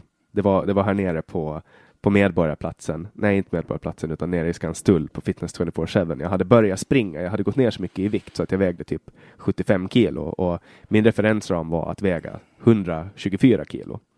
Och så väger jag 75 och så är det lätt att springa och det är roligt att springa. Och så hade jag köpt ett par träningsskor. Och jag tror jag hade sprungit, jag hade sprungit 8 kilometer på löpande.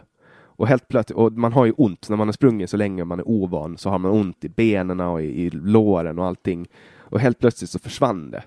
Och så liksom kändes det som att någon liksom kliade mig med naglar längs ryggraden och nacken och uppåt. Och sen fick jag bara den härligaste känslan jag har haft. Alltså det toppar de Mm. tillfällen som jag har mått bra. Och all smärta försvann och det var liksom, det var det bästa jag varit med om. Och eh, efter att ha känt det en gång, tvinga mig över den där smärttröskeln, eh, så, så blev jag lite liksom, jag såg fram emot att få gå ut och springa. Mm. Eh, och det, det, ska finnas en vetenskaplig förklaring för runners high, eller? Det finns det säkert. Jag är inte expert på det, men eh, man brukar prata om endorfiner och, kroppsegna opiater och så här, men, men opioider snarare. Eh, Men jag, jag, jag, jag kan det inte. Har du själv upplevt det? Alltså jag, jag sprang ju maraton förut, eller framförallt halvmar och skre- sprang och då hade jag en kompis. Vi sprang alltid samma runda. Någonstans från Krukmakargatan på Södermalm och så runt hela tillbaka via Gärdet. Eh, Det var så en halvmara.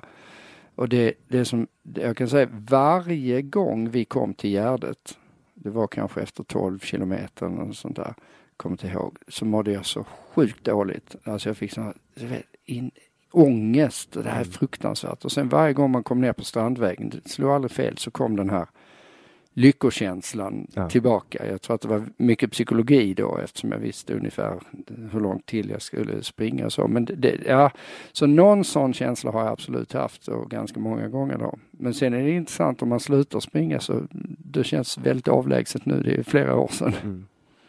Ja, jag har ju liksom jag fick ju tvinga in mig, men sen blev det också så här. Jag blev så, jag blev så besatt av att få tillbaks runners high att jag sprang sönder mina knän. Ja, det är det som är nackdelen. Jag gjorde ju någonting i höstas som heter 16 Weeks of Hell. Vad är det för någonting? Eh, det, det var jättekul, fast det tog eh, alldeles för mycket tid. Jag har ju nio barn. Så att, eh, Nio barn! Ja, så att eh, det var ju lite, ja, tog mycket tid för att det man gjorde då på 112 dagar det var att man eh, gjorde 84 styrketräningspass på 112 dagar och man gick 112 powerwalks. Eh, och då var det några som, och, och de där powerwalk är, definitionen på en powerwalk enligt de som gör 16 weeks of hell, det är att om, Om du träffar någon på stan som du känner så ska de tänka vad är det för fel på den killen?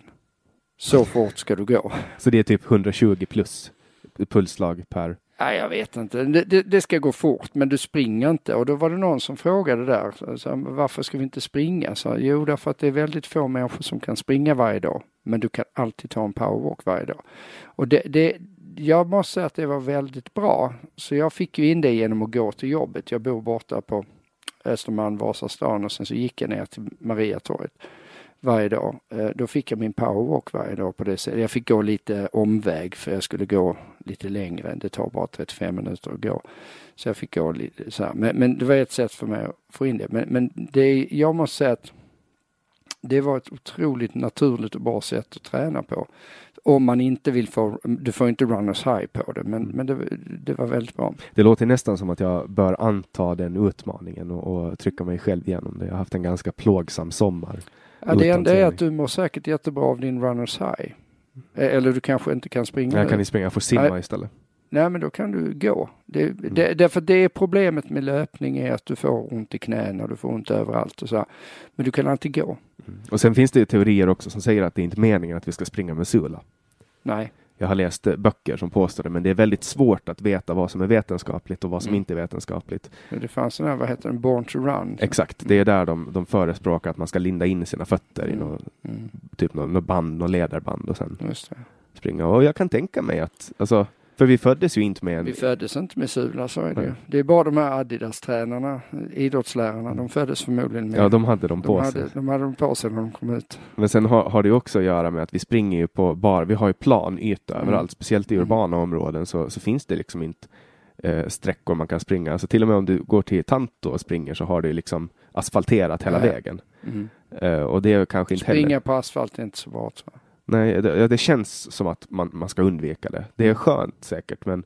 Ja, det är mycket skönare. Jag tycker mm. det är mycket skönare att springa ute i skogen, men, men det är nog inte så jättebra för knäna. Mm. Och så har man en sån här dämpande sula också som tar mm. hela stöten. Mm. Men, men simning är ju väldigt svårt att göra fel. Ja, det är det. det, är det. Uh, och... ja, det, ja, du kan göra fel så tillvida att du inte simmar så fort. Men... Ja, ja nej, men där, där är det lätt att, att, välja sin takt också. Men jag tycker att det är riktigt skönt att, att dra, dra, simma ordentligt. Mm. Mm. Um, men, men när man kollar på, på de för att man pratar ju hela tiden om att man ska jobba med förebyggande åtgärder och, och, öka folkhälsan genom motion och träning. Vad är, det för, vad är det för slags motion och vilken slags träning är den som, som funkar bäst och som är lättast? Skulle du säga ur, om, som en psykiatrikers perspektiv? Ja, men då, då, då, får man komma tillbaka till psykiatrin. När det gäller folkhälsa, det är också sån här grej, man, man hela tiden utifrån något kollektivistiskt uh, tänkande pratar om folkhälsa som nu ska vi nu ska vi förbättra för alla på det, det eller det sättet. Men, men om man tittar på Folkhälsomyndighetens eh, genomgång så ser man att folkhälsan på alla parametrar utom psykisk ohälsa i princip eh, är kraftigt förbättrad. Eh, för, för de allra flesta. Sen har vi en liten grupp om 10% som inte omfattas av det här och då får man ju se, för det första ska man nog inte ha någon kollektiv folkhälsa då utan man ska fokusera på de här 10 procenten. Vad kan vi hjälpa dem med? Och den gruppen är ju i hög grad de som också har psykisk ohälsa som då har ökat. Eh, eh, och, och, där är det ju så, det jobbar ju vi, då kommer vi tillbaka till Anders Hansen och det här med motion och hur man ska förhålla sig till det. Eh, har du en djup depression eller har du psykiatriska problem av allvarligt slag, ja då kan du inte gå ut och springa en mil. Det kommer mm. aldrig hända. Du kommer, aldrig, du kommer knappt ut genom dörren. Så det vi jobbar med, och det har man ju alltid gjort i psykiatrin, eller i alla fall så länge jag har jobbat i, som läkare i psykiatrin, så, så pratar man om att eh, du ska helt enkelt ta ett eh, varv runt kvarteret. Mm, bara då, röra på sig? Bara, bara gå ut. Sätt på dig eh, Alltså det som är problemet är att det är inte besvärligt att gå till gymmet och när du väl är där, det är besvärligt att ta dig dit. På mm. samma sätt det är det inte besvärligt att springa när du väl springer, det är, det är besvärligt att ta sig till ut genom dörren. Så det är det, är det man måste, och, och, det är egentligen så man jobbar i KBT vad gäller allting. Det är att sänk tröskeln för vad du ska göra. Så att eh, jag skulle säga att ska du göra någonting så ska du göra det som är enkelt att göra det är egentligen samma om du har KBT mot tvångssyndrom. Du börjar inte med det mest besvärliga tvånget. Du börjar med det som är lättast. Mm. Och, och, och, och, det är väl egentligen svaret, vad ska man göra för att må bra? Ja, du ska, du ska rätta till det som är lättast och rätta till först. Mm. Och där finns det också uh jag kom att tänka på, eh, på just det här med extrema depressioner. Man har ju börjat öppna upp nu på olika ställen i världen möjligheten att kunna forska på till exempel eh, MDMA eh, för depressioner, extrema depressioner och, och ångestsyndrom. Vad tror du om, om just den forskningen på, på det området? Vad är din ställning? Nej, men jag, jag är för all forskning som sker inom ramen för uh, vettiga hypoteser och det är naturligtvis inte en dålig hypotes när det gäller problemet med MDMA var ju, hade ju rätt mycket MDMA eh, under 90-talet när jag jobbade på eh, SOAFens allmänpsykiatriska mottagning ganska många som efter extensivt MDMA-bruk eh, blev rätt deprimerade efteråt.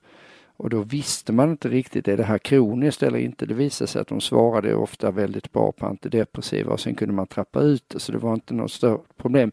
Men man bör, man bör ju alltid när man gör forskning fundera på eh, att du får en god antidepressiv effekt i det korta perspektivet behöver inte innebära att det här är bra på sikt. Så man måste ju följa det noggrant men absolut att man ska göra studier och det görs ju också LSD-studier och, och, och ayahuasca och alla möjliga grejer som man kollar på och det är väl bra om man gör det här inom ramen för ett normalt... Det, det som var problem var ju att man hade ju under lång tid någon form av förbud att forska på vissa grejer. Det var över det, 60 år som det har ja, ja, ja, ja, väldigt illa tycker jag för att eh, det är klart att man måste, det är som ketamin som man har infört nu eh, som antidepressiv. Nu visar det sig att det den effekten är rätt kortvarig och lite besvärligt. Så. Är inte ketamin det man ger till hästar för att bedöva dem? Ja, det är ett betö- från ursprungligen så är det ett narkosmedel. Men, men inte så bra tror jag. Jag kan det för dåligt med ketamin. Men, men, men, eh, men som antidepressiv behandling har man ju gett det. Eh, det ger man ju i Sverige ibland idag. Men det visar sig väl att effekten på lång sikt är lite för taskig för det. Mm. Men, men jag menar, det, självklart måste man forska på nya och gamla substanser som tycker jag är helt rimligt. Det finns ju en del, nu kommer jag inte ihåg vad heter han i Storbritannien som forskar på LSD nu eh, och har rätt bra resultat på vissa kroniska Man får alltså forska om det nu? Han, eh, ja, det är gjort i alla fall. För här i Sverige så är det Nej, ju totalförbjudet? Nej, inte i Sverige. Men, men sen finns det de de eh, narkotiska preparat eller de droger som, som staten på något sätt har använt innan, de är, de är liksom helt okej okay att använda. Alltså jag tänker på till exempel amfetamin som man använde under andra världskriget. Det var ju så Hitler lyckades med sitt blixtkrig. Uh, han pumpade i amfetamin, eller inte han personligen, men de tyska soldaterna fick. Ja, fick pump, ja. och, och, ju... och, här har man det idag. I sjukvården så använder man och bensodiazepiner. Det är också någonting som används inom mm. sjukvården. Uh, opiater. Det är ju bland de, det här är ju de tre starkaste drogerna egentligen, eller beroende på hur man mäter det. Men sen de här andra mer psykoaktiva drogerna som faktiskt inte har så stor Alltså, för att alla de här tre drogerna som jag nämnde nu, de är ju potentiellt sett kan man överdosera och dö av.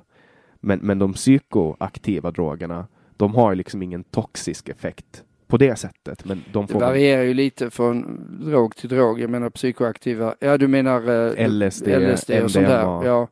Eh, man, man, man, kan ju säga att man tar ju pyttedoser, det är nästan homeopatiska doser LSD sett i... Det tar man väl i mikro? Ja, ja, det är det jag menar. Ja. det är väldigt små.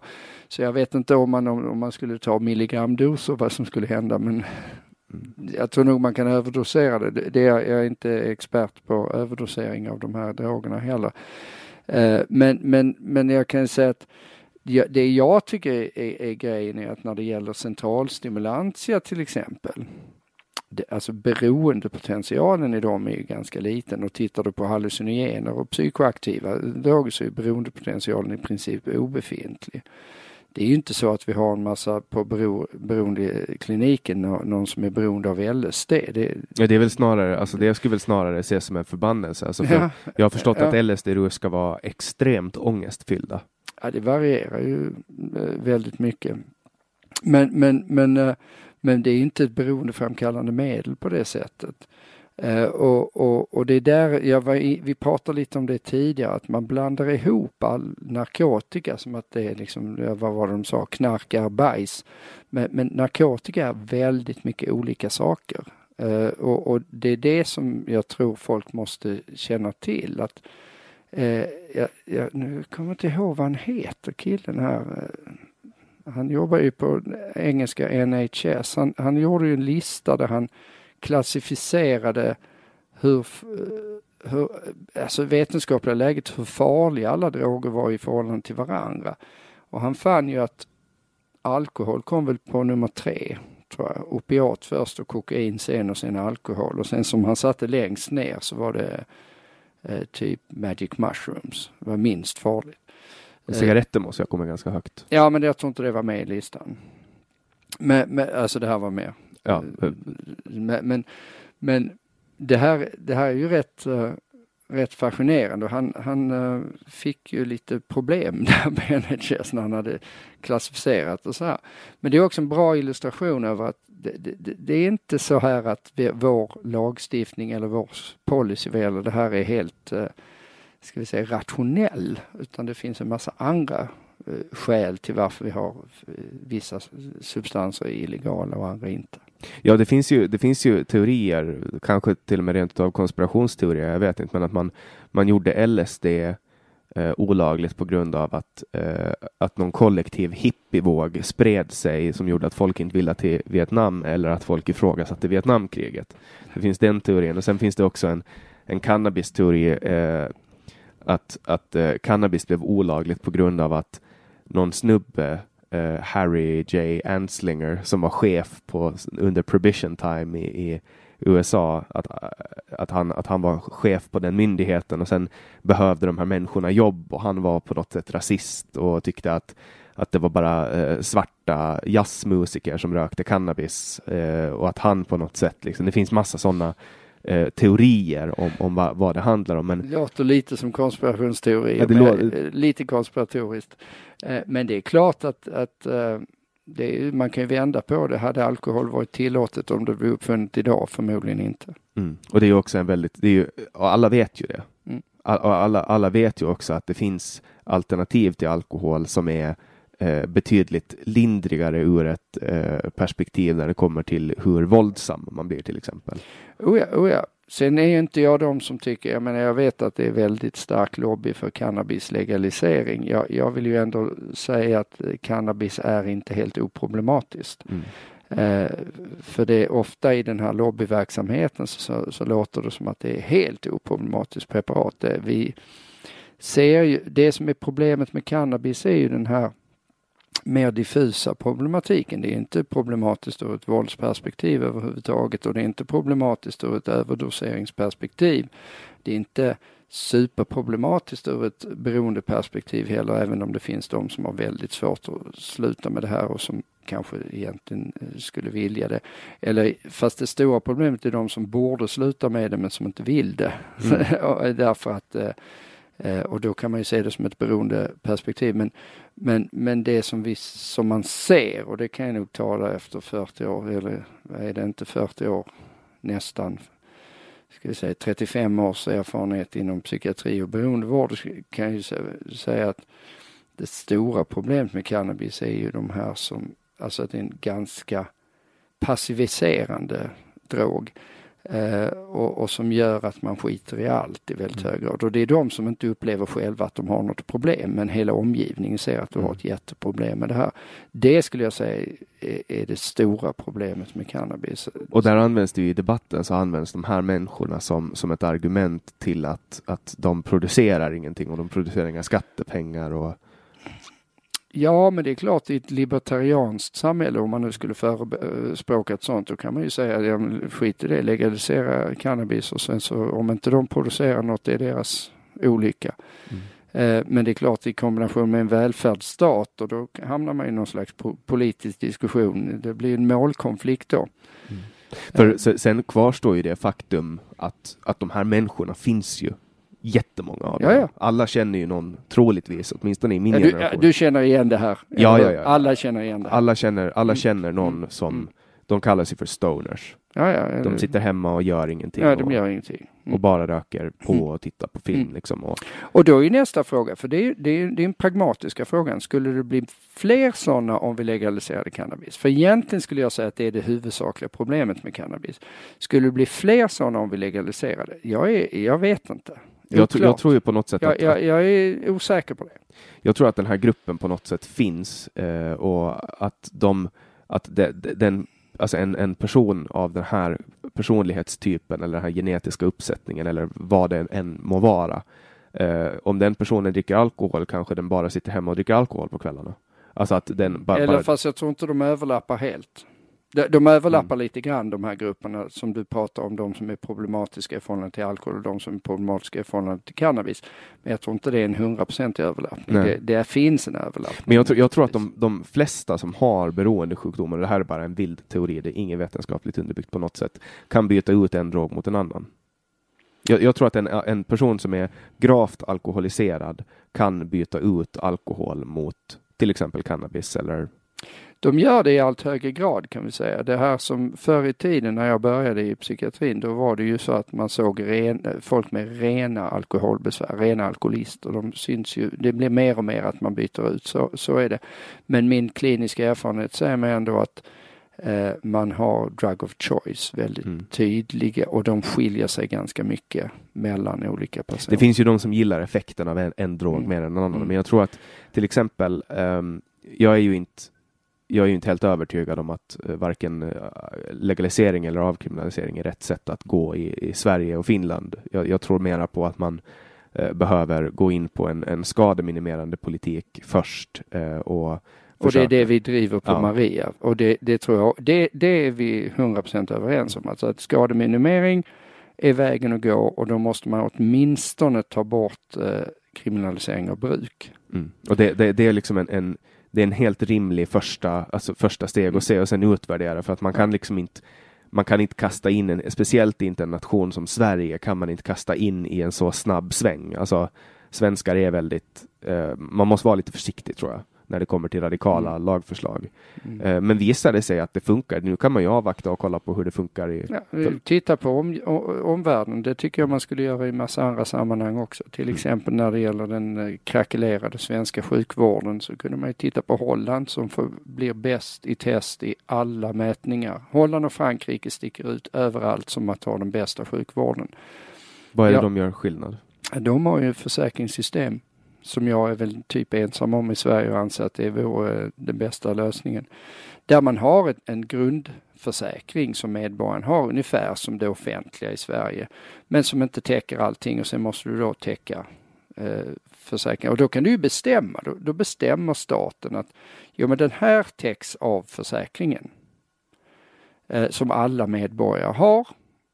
Eh, och sen har du privata försäkringssystem utöver det.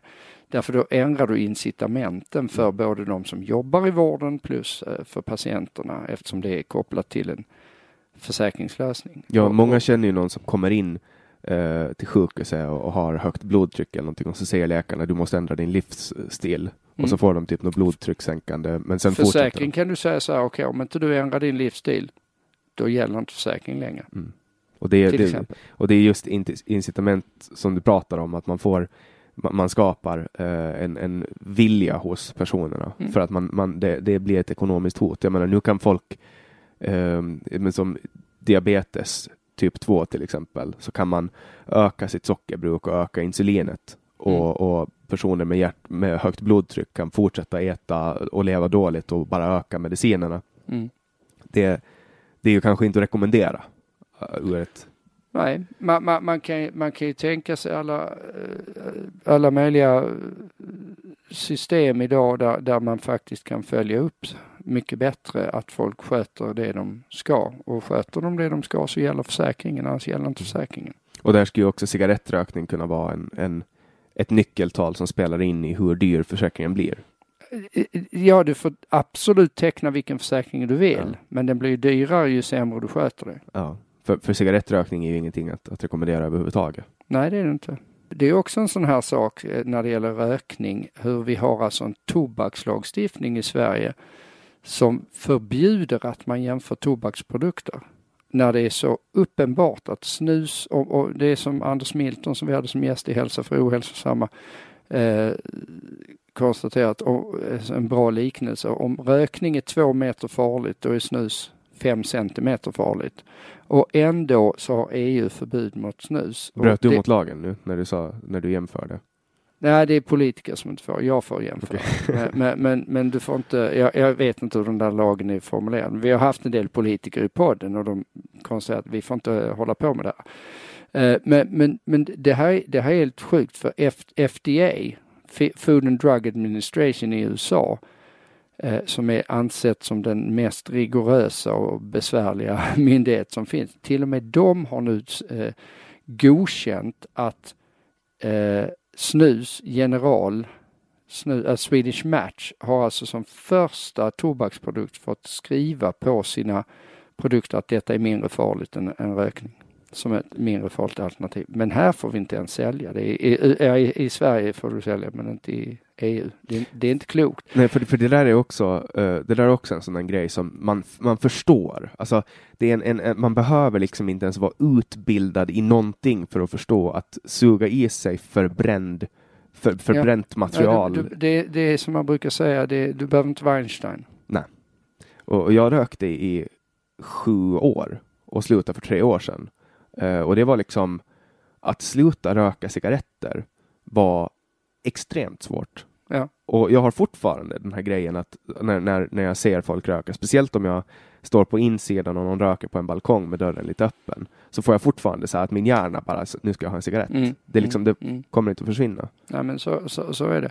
Eh, men, men, men då är det ju så att då, då har man sagt, och så har vi massa, vi har läkare mot tobak och vi har psykologer mot tobak och lärare mot tobak och alla möjliga instanser som då likställer snus och rökning. Och de var ju så att när jag bjöd in Anders Milton som är då, jag kommer inte ihåg, han är företrädare för något som heter SNUS. Det här är alltså en kille som har varit han har alltså varit ordförande i Läkarförbundet, och VD för Läkarförbundet, ordförande i SACO, regeringens eh, nationella samordnare för, alltså det här är en tung kille liksom. han, han är verkligen superseriös sen, sen hur många år tillbaka som helst.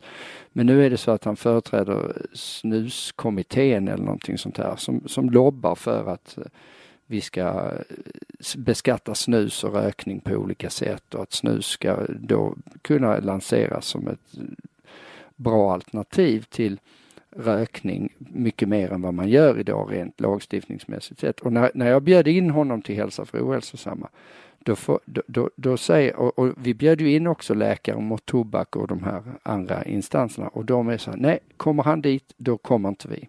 Wow. De vill inte ens prata om saken. Och det här är ju hemskt tycker jag, för de som blir drabbade av det här, det är framförallt eh, äldre kvinnor. Därför att det visar sig i enkät, eh, enkätundersökningar bland äldre kvinnor så är det en otroligt stor andel som inte vet att snus är mycket ofarligare än rökning. Även många äldre män som inte känner till det här. Och det är klart att om du inte känner till att snus är mycket ofarligare än rökning, varför ska du sluta röka då? Mm. Jag var ju en, jag var ju en snushybrid. Jag kunde ju, alltså en tobakshybrid. Jag kunde byta ut cigaretter mot snus. Så, så kan det ju vara. Så kan det vara. Och det var, och det var en jätteskön grej. Men, men visst känner man ju. Alltså när jag bytte snus, eller bytte till snus från, från cigaretter, då eh, och, och, gjorde det under en period, kanske två månader, då kände jag liksom hur min lungkapacitet blev bättre, jag hostade mm. mindre, alltså hela, hela kroppen börjar på något sätt reparera sig, även om, även om man kanske skadar eh, lite hud i, i munnen liksom. Men... Det är ganska tydligt att det finns inga allvarliga sjukdomar kopplade till snus. Man har ju pratat om alltså typ muncancer och sådana grejer. Ja, jag tror att det finns någon studie som visar över 75 års ålder eller någonting sånt där. Men, men, eh, men i princip ofarligt. Jag har aldrig träffat någon som har muncancer. Det, det är som Anders Milton säger. Det är inte hälsokost, men det är inte så farligt jag tycker att det är, det är svårt att tömma ut eh, 35 års erfarenhet av eh, psykiatri och eh, en, ändå en karriär som, som författare. Så att jag tror att någon gång i, i framtiden så får vi ses igen helt enkelt. Och jag har en, det tycker jag låter som en bra idé. Och det ska bli, det ska bli kul att eh, faktiskt lyssna igenom det här i efterhand. För att i samtalet så brukar jag tankarna hoppar mellan, mellan Mm. så många olika saker så att det är svårt Mm. också. Ja, men vi kan prata mer nästa gång om barnuppfostran och sådana här grejer. Det tangerar vi bara lite grann. Mm. Vi pratar ganska mycket om min bok Normalt. Den kommer faktiskt som ljudbok nu. Det är väldigt roligt att den kom. Den kom ut 2011 och nu hörde ett ljudboksförlag av sig. Kan du inte läsa in den här boken? För den finns inte på förlag längre. Ingen av mina tre första böcker finns på förlag så vi kommer ge ut i Trygghetsnarkomanernas land och ingen tar skit igen 2021 tror jag. Jag sa först 2020 men jag vet inte om jag hinner det. Och så kommer ju min bok Det stora könsexperimentet i pocket nu i mars. Och var kan man beställa dem? Adlibris? Adlibris Bokus. och, och var hittar man din podd? Den hittar man där poddar finns. Hälsa för ohälsosamma. Och med det tackar vi David Eberhard jättemycket för att du kom hit och, och tog det här samtalet med oss mitt, i, mitt under en stressad vardag. Det är Ja, få, få förunnat att få, få den privilegiet att, att få sitta ner med dig på det här sättet. Och till alla er som har lyssnat till slutet tackar vi så jättemycket för att ni har hängt med. Eh, på vår hemsida www.samtal.ax så hittar ni flera samtal. Eh, vi släpper nya samtal alla onsdagar och det här projektet är helt eh, ideellt men ni får gärna om ni vill gå in och donera en slant antingen på patreon.com eh, samtal eller på swish 0703522472. Eh, det finns också möjlighet att donera på Paypal och alla andra möjliga vägar. Och pengarna går till att kunna fortsätta spela in de här samtalen. Producent för det här avsnittet var Didrik Svan. Jag heter Jannik Svensson och du har lyssnat på podcasten Samtal.